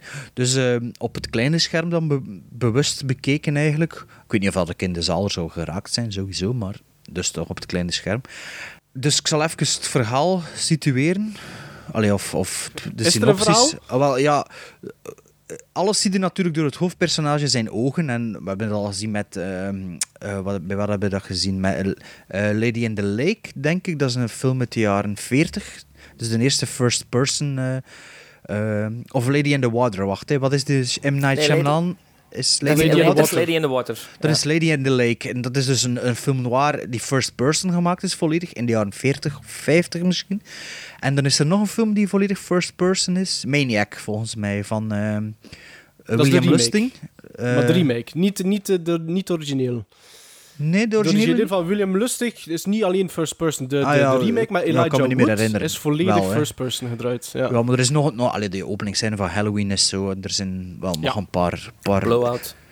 Blowout ook, ja. Maar er, zijn, er, zijn, er, is een er is nog een film die volledig first person. Maar bon, ja. Dus het is dus niets nieuws dat ze gedaan hebben. Natuurlijk met de huidige technieken en technologieën. Ja, het is anders dan eh, als je een film noir in de jaren 40 maakt. Dus Hardcore Henry is, zoals de titel wel suggereert, een, eh, een full-blood ac- actiefilm. En dus eh, het begint met, de, eh, met hoofdpersonage die wakker wordt en eh, in een soort laboratorium ehm, waar dat ze eigenlijk een supermens van hem aan het maken zijn. En voordat hij alles goed en wel beseft, begint de actie en stopt de actie eigenlijk niet. Ehm, het probleem met de film is een beetje dat de alle informatie als kijker op hetzelfde moment krijgt als het hoofdpersonage. En hoe, hoe krijgt het hoofdpersonage zijn informatie is grotendeels door mensen die in de camera spreken. Dus ik weet niet of dat jullie familiair zijn met videogames of toch al, Ja. al- of, of allee, eh, videogames gespeeld hebben of zo. Like, like een Metal Gear Solid of zoiets, waar- waarbij dat alle informatie meegedeeld wordt door iemand die het vertelt. Omdat dat als ja, speel- eigenlijk... Ik speler moest, in- ik, ja, ik moest eigenlijk al... Ik, ik, vroeger heb ik wel wat, nog wat eh, games gespeeld en ik moest direct denken aan Mirror's Edge. En dat is een Dat film die niet. ook volledig first person is. En inderdaad, zoals dat gezegd, dus alle informatie komt gewoon van het personage dat je tegenkomt en die dan eigenlijk tegen u aan babbelen zijn. Ook wel Maar is de film face- Mirror's Edge? Nee, nee Mirror's game? Edge is een, is een game. Eh, Ah ja, is was eigenlijk Nee, op dat moment redelijk revolutionair, omdat dat door de, door de game zelf... Maar ja, is wat- Ja, maar dat is met al iets zo met Uncharted, tonen, ja. met Uncharted is dat, met de, eh, zelfs met Call of Duty als je de story mode speelt en zo. Het is alle, allee, ofwel komt er tekst op je beeld, ofwel dingen. En in het geval van Hardcore Henry, ja. Dus, er wordt, dus alle informatie, maar ook de, de, hoe dat de wereld in elkaar zit, hoe dat de technieken werken, omdat die, het is een beetje futuristisch, wat, wat dan de dreiging zijn, alles wordt verteld. En het eerste 20 minuten was dat super irritant. Het was echt van, allee, kom aan. Het acteren is ook niet zo goed. Ehm, als je de, de credits beziet, Tim Roth staat op de credit, maar Tim Roth komt er één minuut in met één zinnetje of zo. Dus dat is de tweede credit dat je ziet of zo, maar allee, dat is vooral Voor de- voor doet er dat voor de rest power te- iemand? Doet er voor de rest daar iemand in? Nee, die- nee. Ja, Charlotte Copley is een hoofdrol, hè? Oh ja, is, is dat die gast van District 9 en zo? Is dat die District nu? Nee. 9 en, en, en dat- Ja, die, ja, die speelt dat- Henry, hè? Ja, ah, ja, eh, nee, die speelt Henry niet, maar zijn, de, de, de Ah. hoop- ah, wel, Henry zie je niet, hè. Ah, wel, maar ik dacht dat hij, Charlotte Copley, die gast alleen speelde met stem.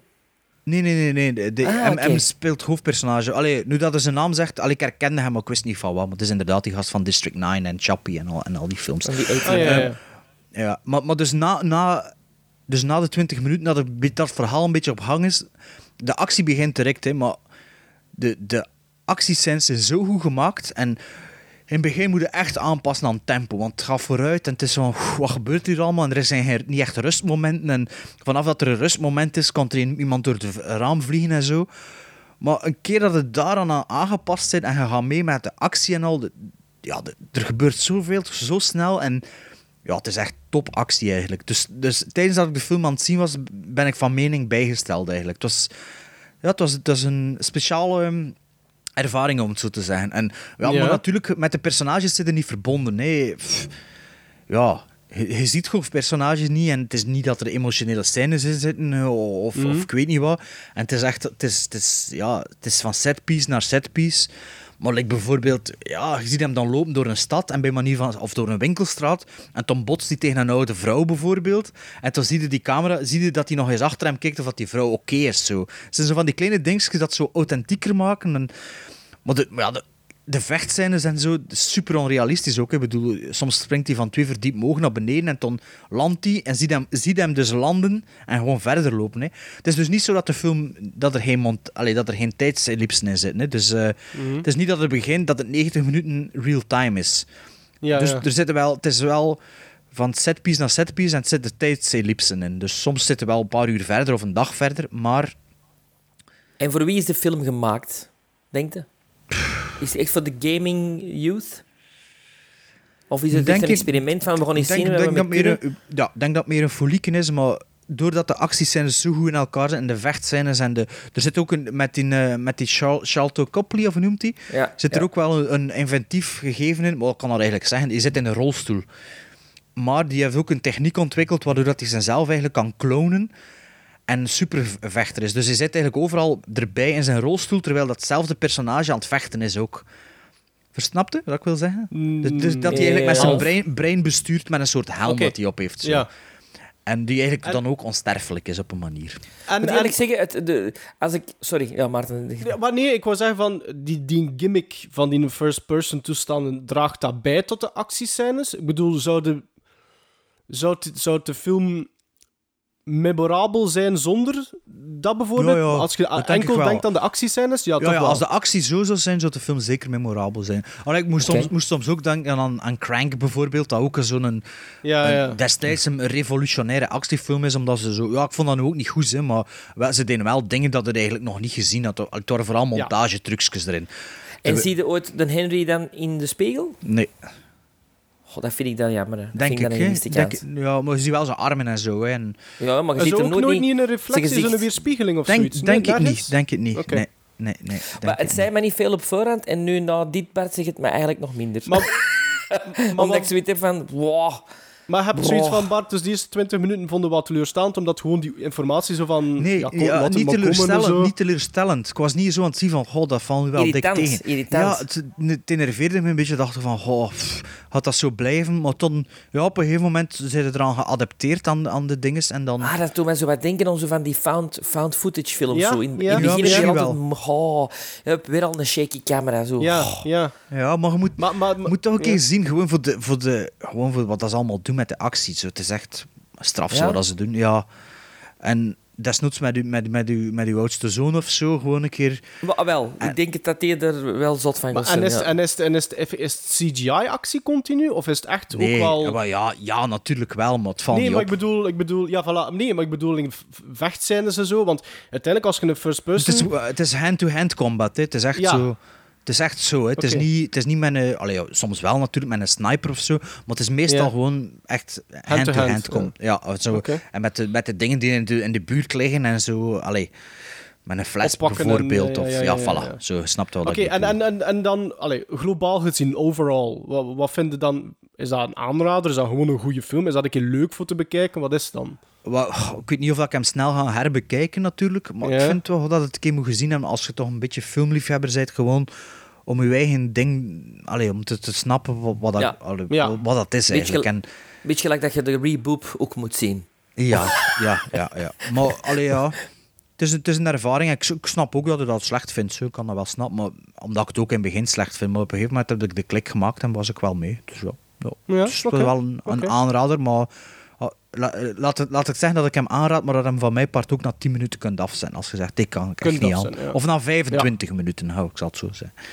Oké. Ik vind het een goed idee voor hem met een zoon te zien. Dan zit hij misschien meer in die leefwereld. en Met de oudste dan? Of, of, Ja, ja, die van 17. Hè. Die, een top, allee, die is echt met gamen meer bezig als met, als met films. Dus. En wel, ja, Ja. als je hem gezien hebt, wil ik hem wel een keer eh, in de podcast horen passeren, wat dat je ervan vindt. Ja. Eh, Oké. Ja, en ik zal dat dan maar gizmos geven. Hè. Door het slechte begin en zo zal ik dan eh, 5,5 5,5 gizmos geven. Ja. Omdat, eh, Oké, van mijn School for Scoundrels trouwens ook 7,5. eh, ah ja, oké. eh, Die zal ik dan toch watchlisten. Ja.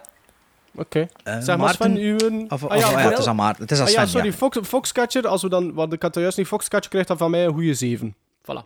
Dus Sven, over naar u. Wel, om, om zo het bruggetje te maken met de ervaring. dan, hè, Bruggetjes, van- van bruggetjes, bruggetjes, bruggetjes. ik heb een ervaring in de cinema gehad die mij naar meer doet eh, eh, Snakken. smaken, smak, snakken. Ja.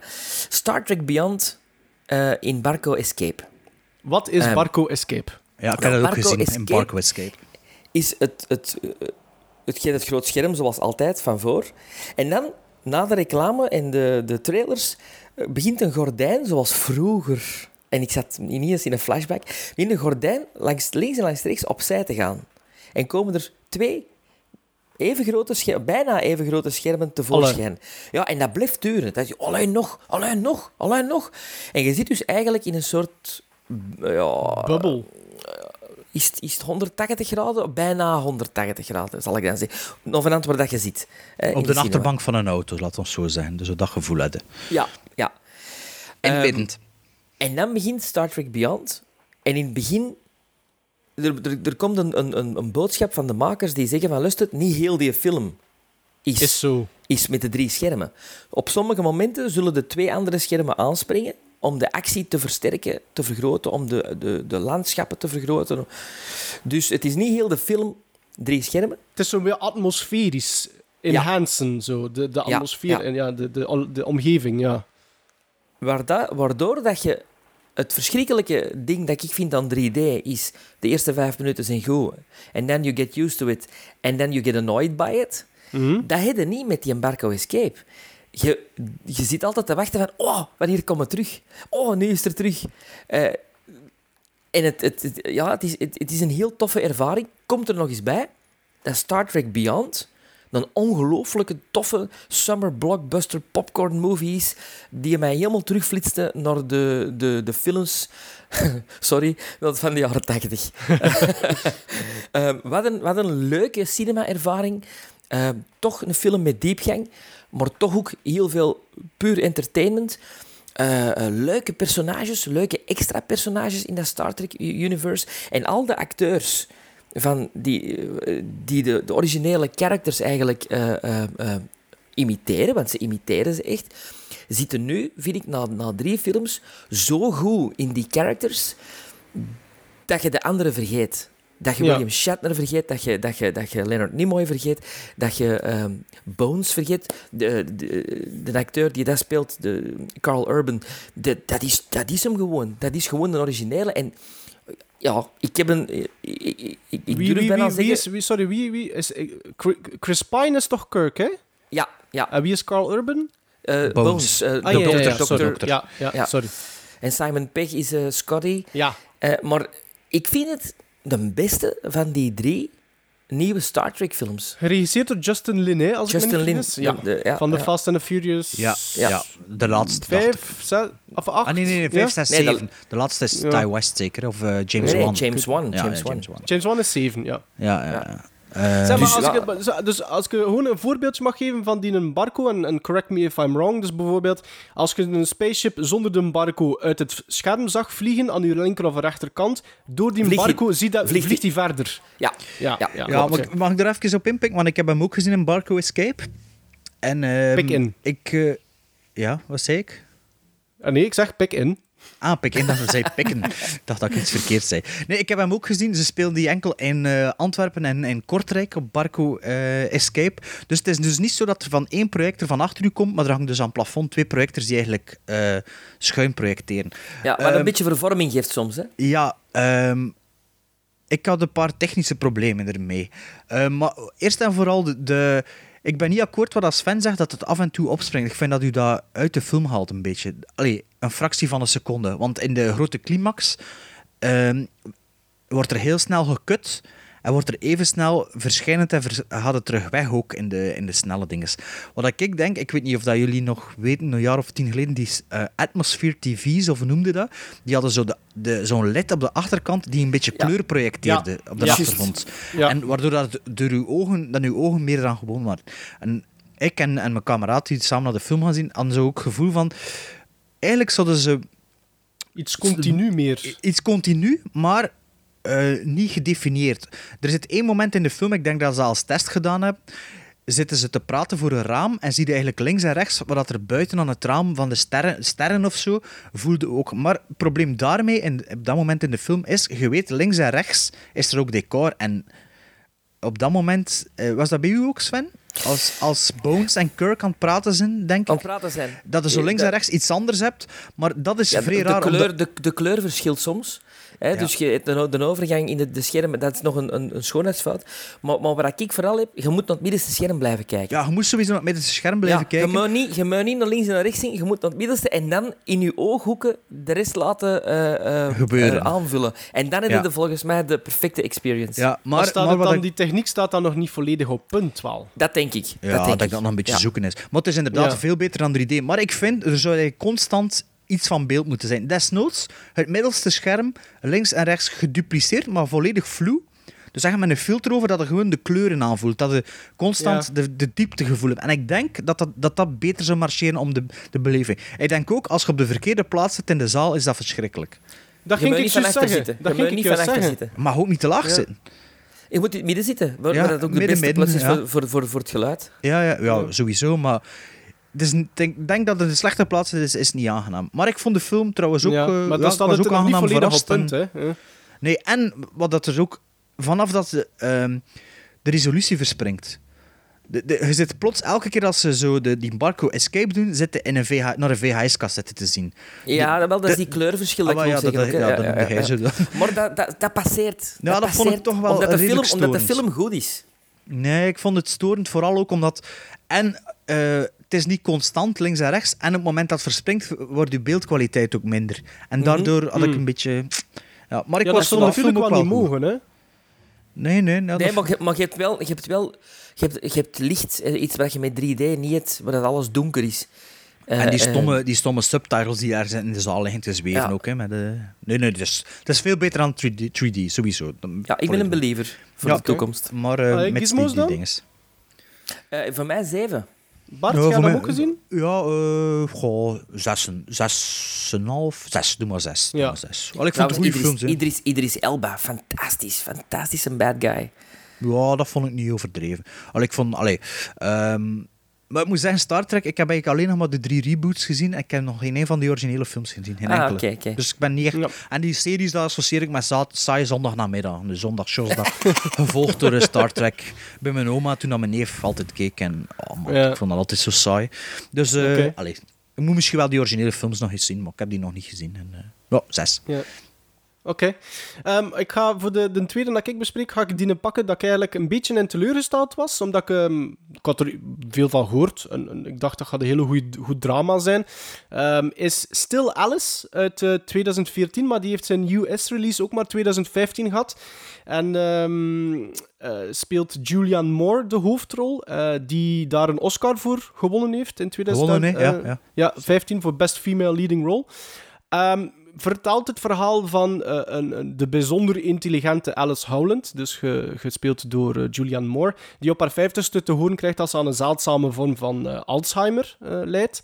En wat volgt is eigenlijk gewoon een overzicht van, van hoe zij zelf en haar naasten daarmee omgaan in de komende jaren. Alhoewel, ik denk dat het over jaren gaat, want dat was een van mijn pet peeves met, met de film, is dat er... ehm, je krijgt maar één keer een tijdsbepaling en dat is dat ze op haar vijftigste die diagnose krijgt. Maar wat volgt daarna kun je een klein beetje invullen, maar te weinig.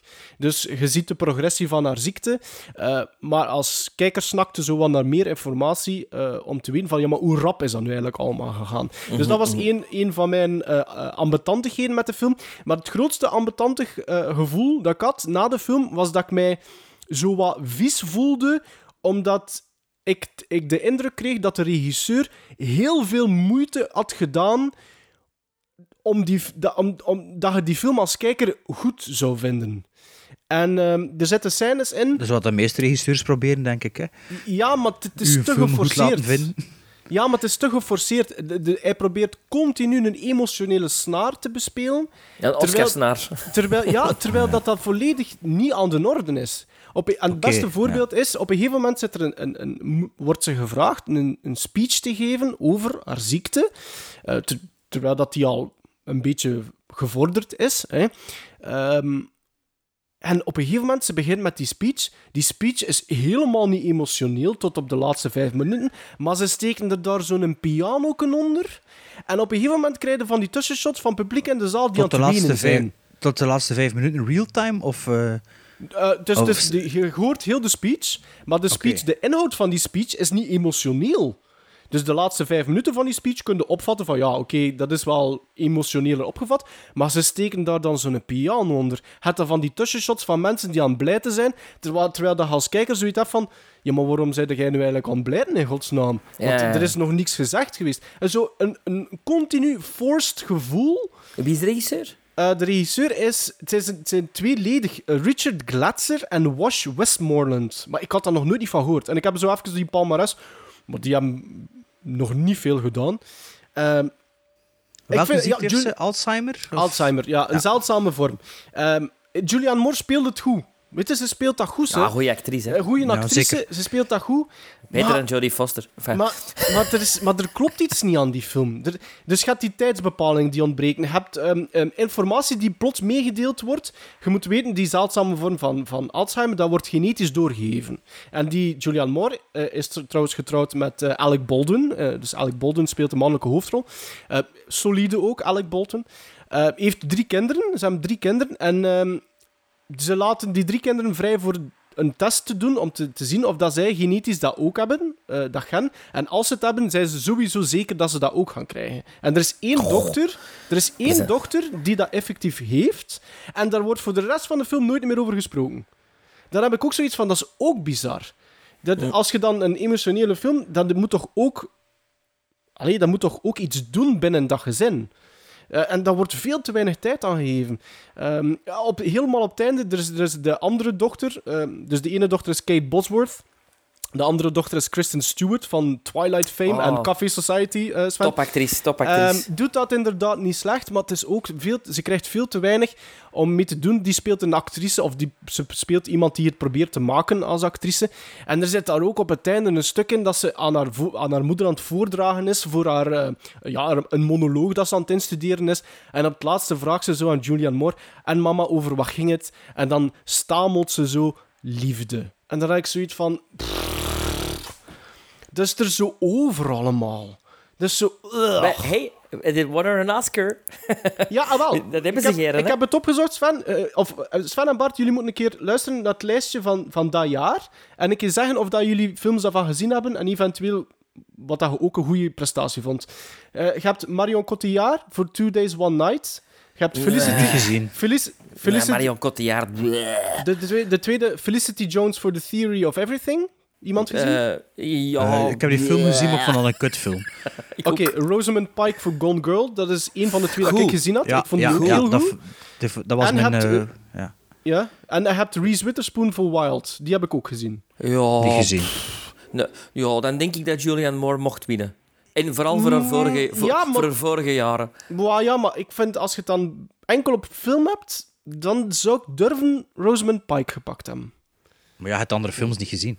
Nee, maar, ja, maar, nog, hè. maar Rosamund Pike is, eh, is, start juist, hè. En Julianne Ja. Moore heeft al een paar nominaties gehad Ja, waar je van zegt, allee, allee. Ja. Dus ik vind, Waar, ik denk dat is hij het nog van- genomineerd geweest? Voor eh, die film van Todd Haynes. ehm, ehm, Happiness. met, nee, met Dennis Quaid. Eh, heaven, heaven, of zo weet. Mm, mm, heaven. Eh, over een, een, een, een relatie, een buitenechtelijke relatie in de jaren 50. ja, Eh. nee, kan ik niet. Nu, Swat, Still Alice, geen slecht drama, maar, ik had maar, maar het, is, het is niet zo goed als, als de makers het willen doen verkopen. Het Ja, is maar te geforceerd. Buiten Julianne Moore zal die ook, heeft hij, heeft hij een veel nominaties gekregen? die eentje, eentje, eentje, Ja, eentje, eentje, eentje. Ja. Maar dan nog, Dus het, dan het nog. zal een showcase geweest zijn voor Julianne Moore. Ja, die, die, wat ze- dat ze wel doet, alhoewel dat, dat rol, de invulling van een rol niet altijd even goed geschreven is. Eh, dus het script wankelt. Het is een mager scriptje, vond ik. Eh, dus als ik de gizmos op moet plakken, zou ik vijf. Vijf op tien. Oké, juist... eh, Ja, juist de vijf, vijf en een half, ja. ja. Maar niet Jammer. eens dat u aanraadt, Jammer. eigenlijk. Nee, ik zou het niet aanraden, nee. nee. Hier, hier ik- even, eh, ze is genomineerd geweest voor Boogie Nights, voor The End of the Affair, dat is die film waar Ja, ik het over had, ja. voor, voor The Hours, voor Far From Heaven. Oh nee, Die- dat is die film, Far From Heaven. Die Hours Ah, ook ja, een vrij ja. goede film. Ah, is dat en voor Still Alice. Dus je ziet, hè, bedoel, 1, 2, 3, 4, de vijfde nominatie wint ze. Dus dat, dat mag dan wel, hè. Ja, maar aan de andere kant kun je ook zeggen, en, en om dan u maar te citeren, Sven, eh, het is misschien een Oscar-rolleken. Ah, wel, ja, misschien- ja. Ja, Maar zo zijn er veel, hè, dat je denkt van... Ja, dus dat is wat Eh, marcheert. Ik bedoel, Leonardo DiCaprio, The Revenant, niet zijn sterkste rol, wel een goede rol, maar hij had hem al veel vroeger moeten krijgen. Maar die rol, oh, gaat dan alles eh, meegeven wat de Oscars graag hebben. Hè. Afzien en, en fysiek. En, Ja, ja, en dan krijgt hij hem, hè. ja, ja. Swat.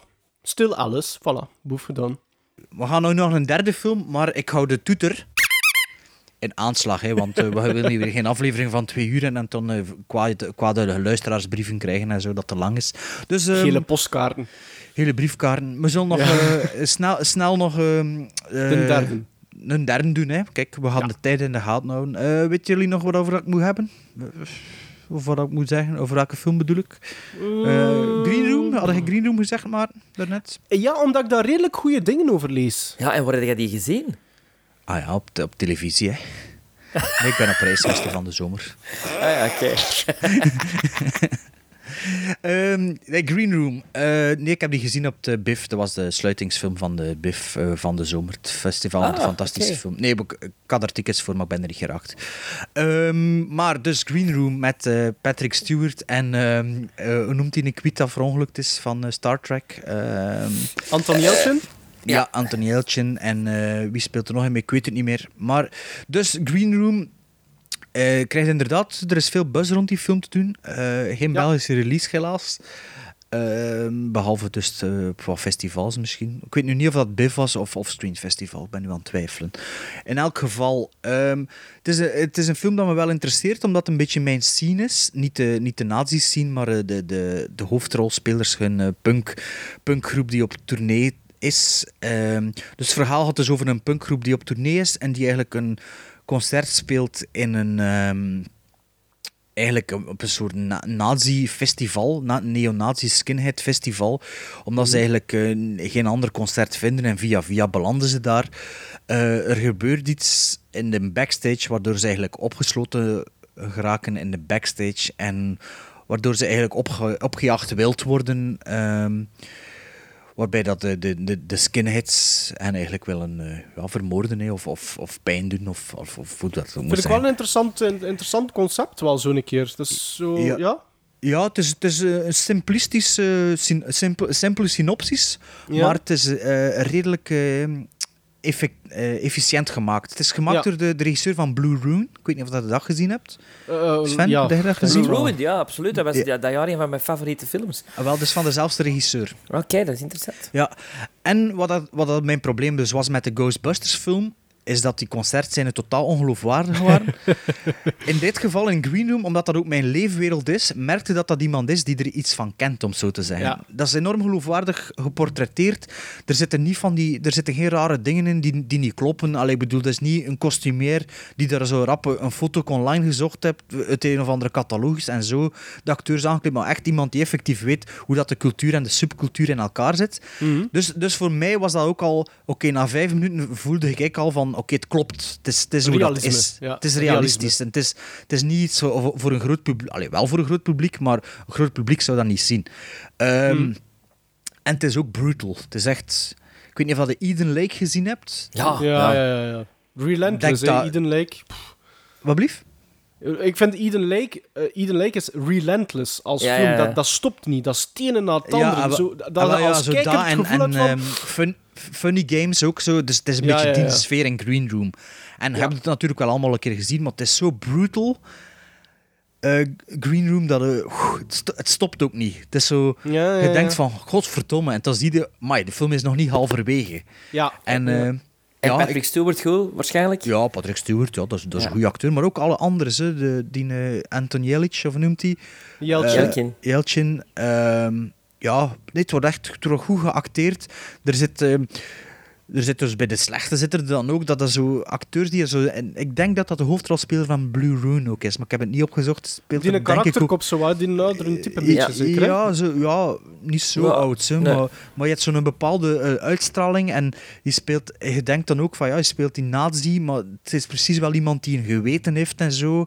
Je Ja. ziet dat aan de personage. Ik vind de casting is goed gedaan, dus de, de art direction vind ik top en de film heeft me ook wel verrast. Dus eh, ik vind het echt een aanrader. Ik kan niet zeggen dat het een beste, ik weet het nog niet, maar het zal niet de beste film zijn, denk ik, dat ik dit jaar gezien heb, maar toch ehm Als je een top gaat moeten maken, dan gaat hij er wel tussen staan waarschijnlijk. Ja, ja, die zal er waarschijnlijk tussen. Allee, of hopelijk verra- verrast. eh, Ja, super, de laatste super. maanden van het jaar nog. Maar het is echt, echt een aanrader. Ja, ik was aangenaam verrast. Ja, wil ik zeker zien eigenlijk. Wil ik echt Ja. zeker zien. Acht, acht gizmos zou ik het geven. Oh, mooi, mooi. Wow, mooi, mooi. Oh, Voor, dat is Zeven- denk ik... 7,5 hou. Nee, nee, nee, nee, nee, blijf maar bij u acht. Ja, ja. Blijf maar bij u Ja. Dat is een keer plezant voor dat uit uw mond hoor, Bart. Een acht. Dat is tof. dat was van Wages of 4 geleden, denk ik. Of Ja, was ja, het voilà. 9? Nee, 9. Alright, Sven. Wel, ik heb eh, nog een film waar ik even wil over praten. About Time. Ehm, een film Met- van... eh, een paar Met Justin. Timberlake? Nee, nee, nee. nee. F- eh, met Bill Nighy.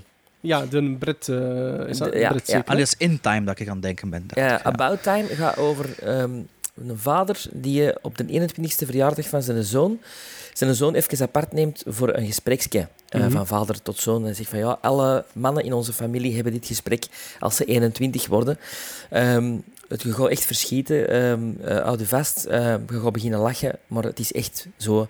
Alle mannen in onze familie kunnen terug in de tijd reizen. Allee, tof. Maar niet naar de middeleeuwen of niet naar de cowboytijd of niet. Maar gewoon dingen die ze doen en zeggen van ah, ik had dat eigenlijk, ik had dat eigenlijk anders moeten doen. Dan gaat even in de kast staan, je doet je vuisten toe en je zit terug op die moment en je kunt je leven leiden op die manier. Ja. Zoals dat je wilt dat het gaat. Prachtige premisse. Ja? Want ik hou van tijdreisfilms, maar dit geeft zoiets meer van... Oh, wat, dat zou geweldig zijn als je kunt zeggen van... Oh, ik heb daar eigenlijk een verkeerde reactie gegeven tegen mijn vrouw. Ik kon even in de kast staan, doe mijn vusten toe en ik kon dat anders aanpakken. Ja? Eh, en, en zo gebeurt dat ook in die film. Hij, hij begint zijn leven zo helemaal te leiden. Maar natuurlijk hè, zijn er ook zo'n dingen zoals eh de butterfly-effect. hè, Dat je bepaalde dingen niet mocht veranderen. En Ja. verder vertel ik niks, want je moet hem zien. En ik weet niet of dat jullie emotionele mensen zijn bij het bekijken van een film, maar ik heb ja, ja, toch wel. Echt, ja. ik Heel, de, heb- heel de film gebleid. niet heel de film, maar het lest een half uur wel. En, en ja, eh, en, en je, je gaat wel eh, daarna slapen met het gevoel van oh, heel veel existentiële vragen en eh, eh, het ouder worden. En ja, knappe Bl- film. Maar Blijkbaar dus de meer- film al op mijn, op mijn watchlist. Dus, Maar het Ja. heeft dus meer raaklijnen met de butterfly-effect dan dat je zou denken dan. Dan mijn Love Actually. Het is absoluut... Ja, wel, daar had ik een beetje schrik van op voorhand, dat het Ja. zo van een Love Actually zou zijn. Eh, want het is van, het is van eh, die gast Zelfs ook, de regisseur, Richard ja. Curtis en ook Four Weddings and a Funeral. Maar het is echt... Nee, het, is, het, is, het, is, het, het, het, het zit soms dicht tegen Matchpoint Ja, ja. van Woody Allen. Ja, oké. Ja, heb ik niet gezien, denk ik. Maar dus ook een aanrader.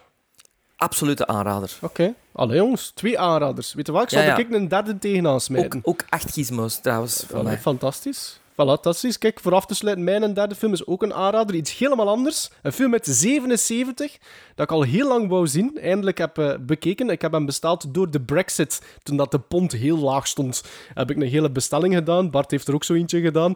Ja, Ehm, fantastische uitgaves van eh, Arrow Video.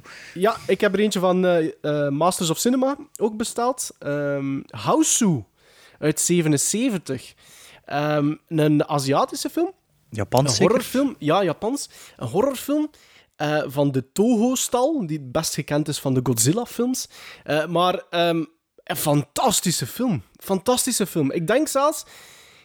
Goh, het is misschien een bold statement, maar ik denk dat het een van de beste kiddie horrors is dat ik ooit gezien heb.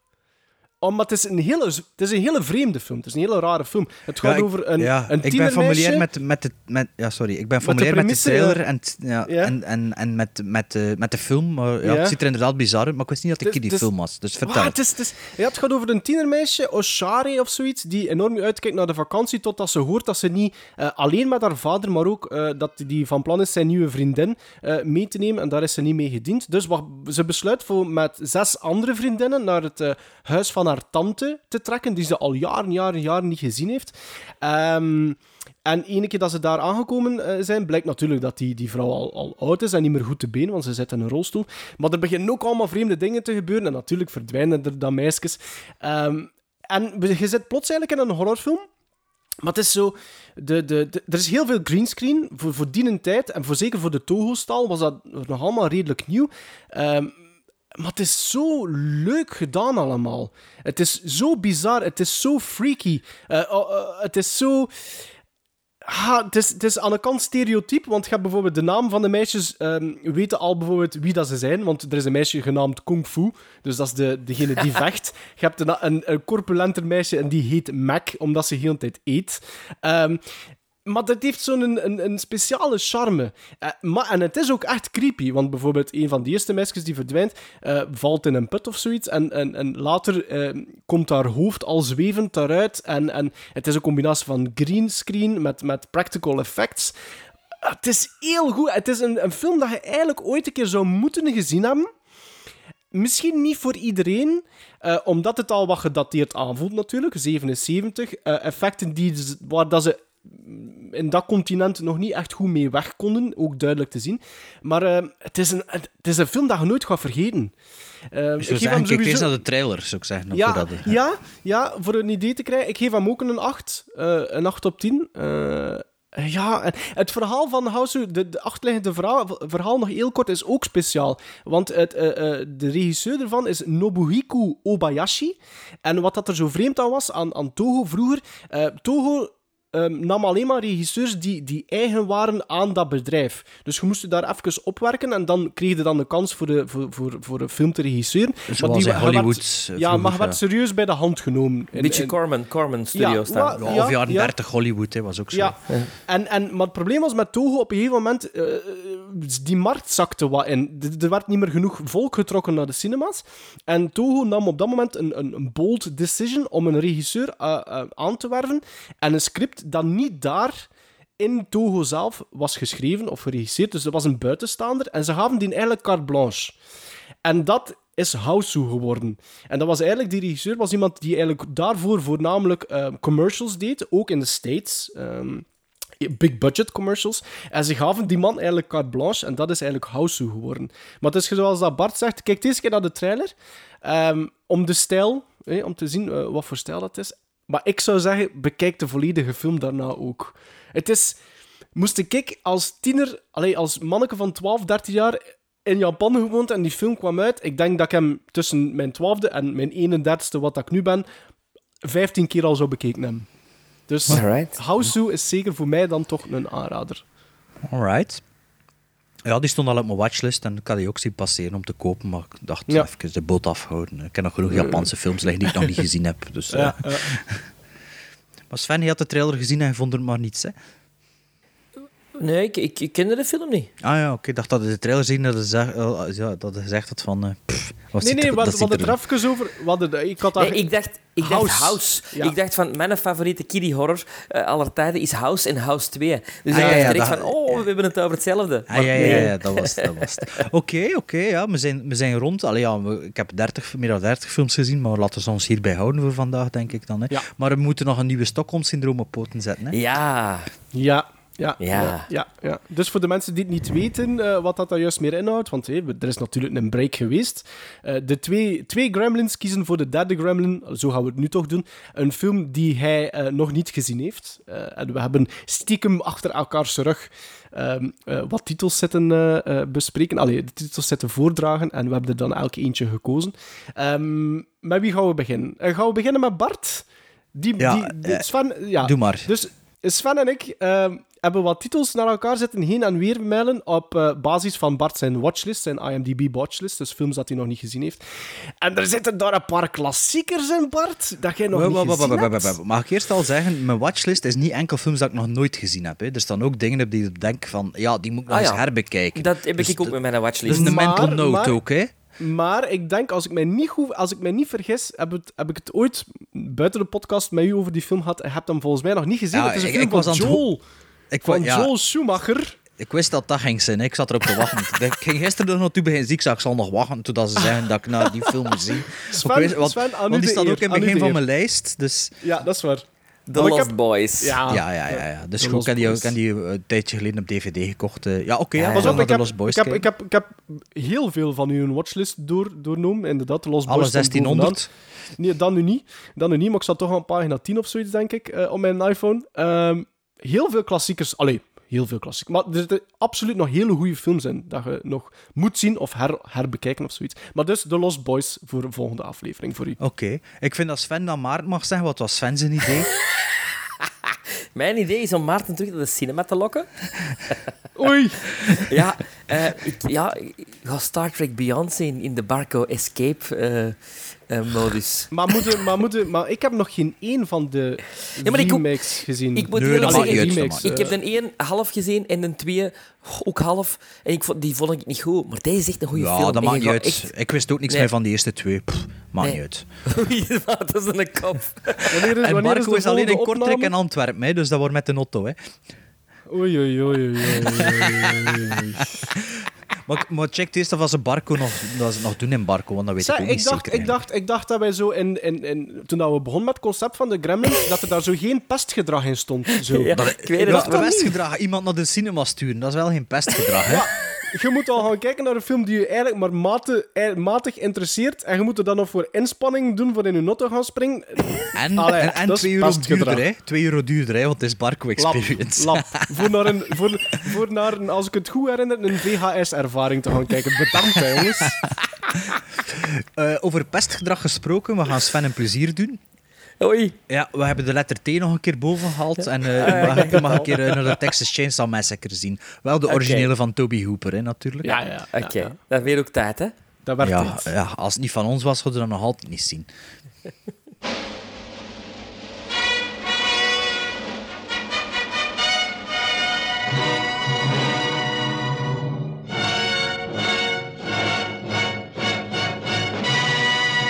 Goed, eh, we zijn terug vertrokken met onze Gremlin Strike Back. Ehm, eh, en volgende week zijn we weer terug. Ik weet niet meer, ik twee wil niet weken. meer wat zeggen.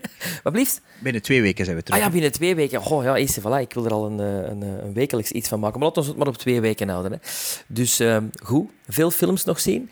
En ons blijven volgen op Facebook, Twitter, Instagram, Letterboxd. En misschien ook blijven raten, want dat helpt natuurlijk altijd voor onze plaats in de iTunes podcast woestijn.